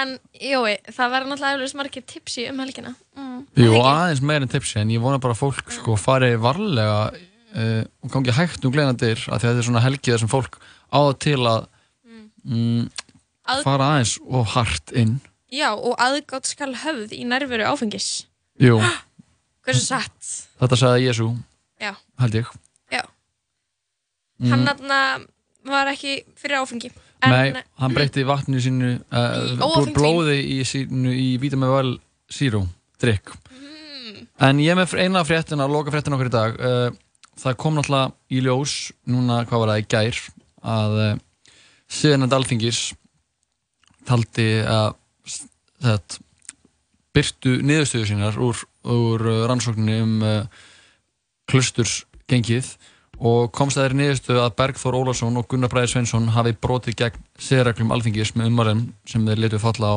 barnum klustur Mhm. síðastlið haust. Uh, síðan taldið að þingmenn flokksins Anna Kolbrún, Sigmundur Davíð ásamt þeim Karli Gauta og Ólafi Íslasinni þá var þetta þingmenn flokks fólksins Mhm. hafi ekki brotið gegn séreglunum Nei, uh, og uh, síðan er það fórsetisnefnd alþingis skipið þeim Steinunni Þóru Árnadóttur og Haraldi Benedikt síni þau hafa sett ákveðið að fallast á þetta mat senendarinnar ég er með rjúkandi heitt teikum þetta sko. Kóttu með það?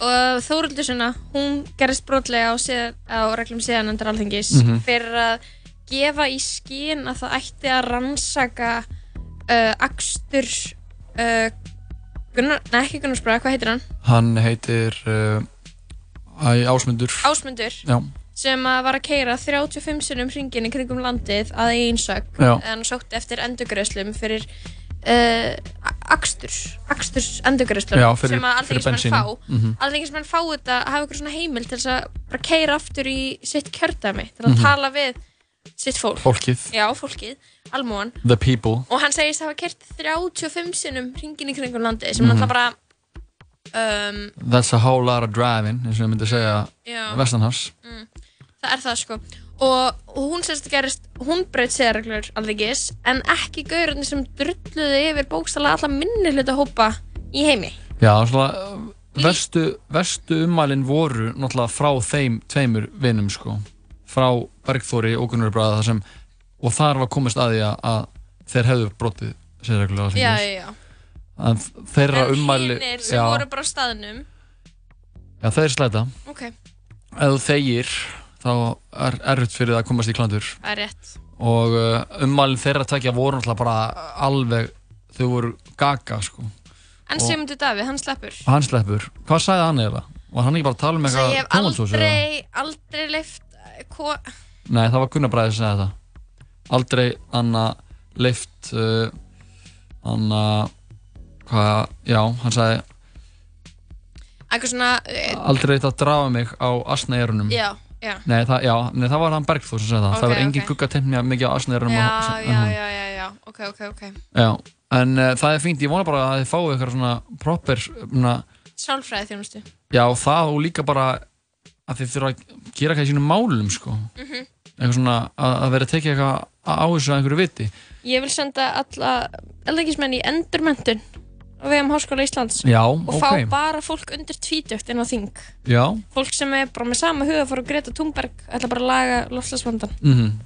Ég bara skal peppa þetta. Mín 2% Þín 2% En þetta, núna fyrir þátturinn okkar að klárast. Þetta er búið að vera hörku þáttur. Við fengum til okkar uh, Brynlindi Bolladóttur sem kom, kom og talaði við okkur um uh, endalók Bachelorette-seríuna sem var að klára svona já. Bara í Hún var fyrradag. Ha- Hannah B. Hannah B, Han, A, Alabama Hannah. Alabama Hannah. Hún var að velja sem mann sem hétt Jeb, eða ekki? Jet. Jed og Kom- hann uh, var átti kærustu. Aha. þannig að það fór ekki langt það samband. Uh -huh, Emitt um, svo var hún uh, Brynja hérna með live flutning á læginu Læjar á samt fríðu förunetti það er ekki, uh, jú, þetta er í fyrsta skipti sem ég og þú Jói, ég og þú Jói, Já. ég og þú, koma, Jói uh, hefum uh, tónlistamenn Já, Að spila. svona, já, svona flutning Svona svona- lifandi flutning. flutning, já, við erum oft með tónlistamenn í viðtali en sjaldan eitthvað svona þess að þau grípa í hljóðfærin og fara að spila. Og mér finnst það bara mjög gaman. Já, með þessa líka. Og eftir það þá uh, var hann Jón Kristinn innan Mhm. hann var að segja ykkur frá lenskerfinu sem að kemur ljós að uh, tja, er ríkir eitthvað miskilingur um og kannski skrítið að vera að kenna það í Já, grunnskólum og mentaskólum eins og það er talað um það. Jú, emitt og svo var hún Glóti Skuðgistóttir hérna. Hún uh, er að vinna upp á Nesjavöllum. Hún er Já. jarðfræðingur og hún er þeir eru að reyna að binda koltjóksið uh, með því að sprauta í lengston í bergi í jörðinni. Já. breyta í kalsít Emitt, og hún kom einnig í liðin Þetta sökkaði og sagði okkur frá uh, tveimur sögum sem sökkuðu. Já, roastbeef samloku Já, við setjum þetta á vefinn svo að þú kæra lusandi, ef þú mistir aðeins og getur tjekka á þessu. Mm. en einnig við erum nú að hlusta á lög frá árinu 2004 Mhm. fyrst það er nú 40 að 50 dagur við höldum áfram okkar vegferð að hlusta á uh, lög frá aldamóta árunum og við ætlum að slá botnina þátt með einu góðu og ég myndi segja að þetta væri ábygglega svona eitt svona íkonískasta rapplag sem kom út þetta árið hvað heitir það? það heitir Dirt Off Your Shoulder uh, með, uh, með kongnum, New York konginum Jay-Z Mhm. og uh, eiginmanni Beyoncé Knowles. Mhm. og uh, við verðum aftur hér ég og Jakob Birgisson. Lóa, þú verður farin út í eigina Fögur grænu á morgun. Mm. upp í stöðunu í, á þjóðatíð Lóa á stóra sviðinu. Mhm. en uh, ég og Jakob verðum hér með svona þjóðatíða þátt á morgun. Ætlum að ringja ringja út í eigu, ringja norður. Mhm. heyrum í einhverjum sem ætlar að sjá um, innibúkan og uh, já, síðan fáum við gest í Djam playlistan og, og miklu, miklu fleira. Þannig að við þökkum bara kjærlega fyrir okkur í dag það er einslegt að vera einna með því, Jói Sumulegis Lóa og uh, við endum þetta á Jay-Z þetta er lagið Dirt Off Your Shoulder Now tuned into the greatest. Turn the music up in the headphones. Tim, you can go and brush your shoulders off. I got you. Uh, yeah, if you feeling like a pimp, go and brush your shoulders off. Ladies is pimps too, go and brush your shoulders off.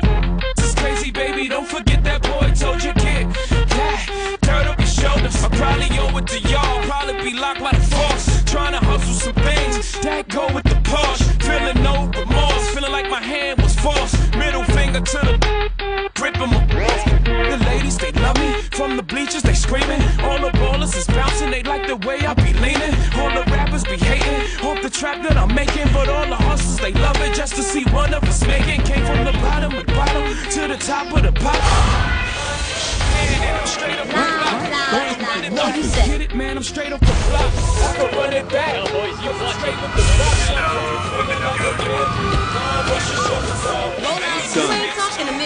Get her, I'm out. Don't forget that boy told you, kid. That, turn up your shoulder, you got a kid.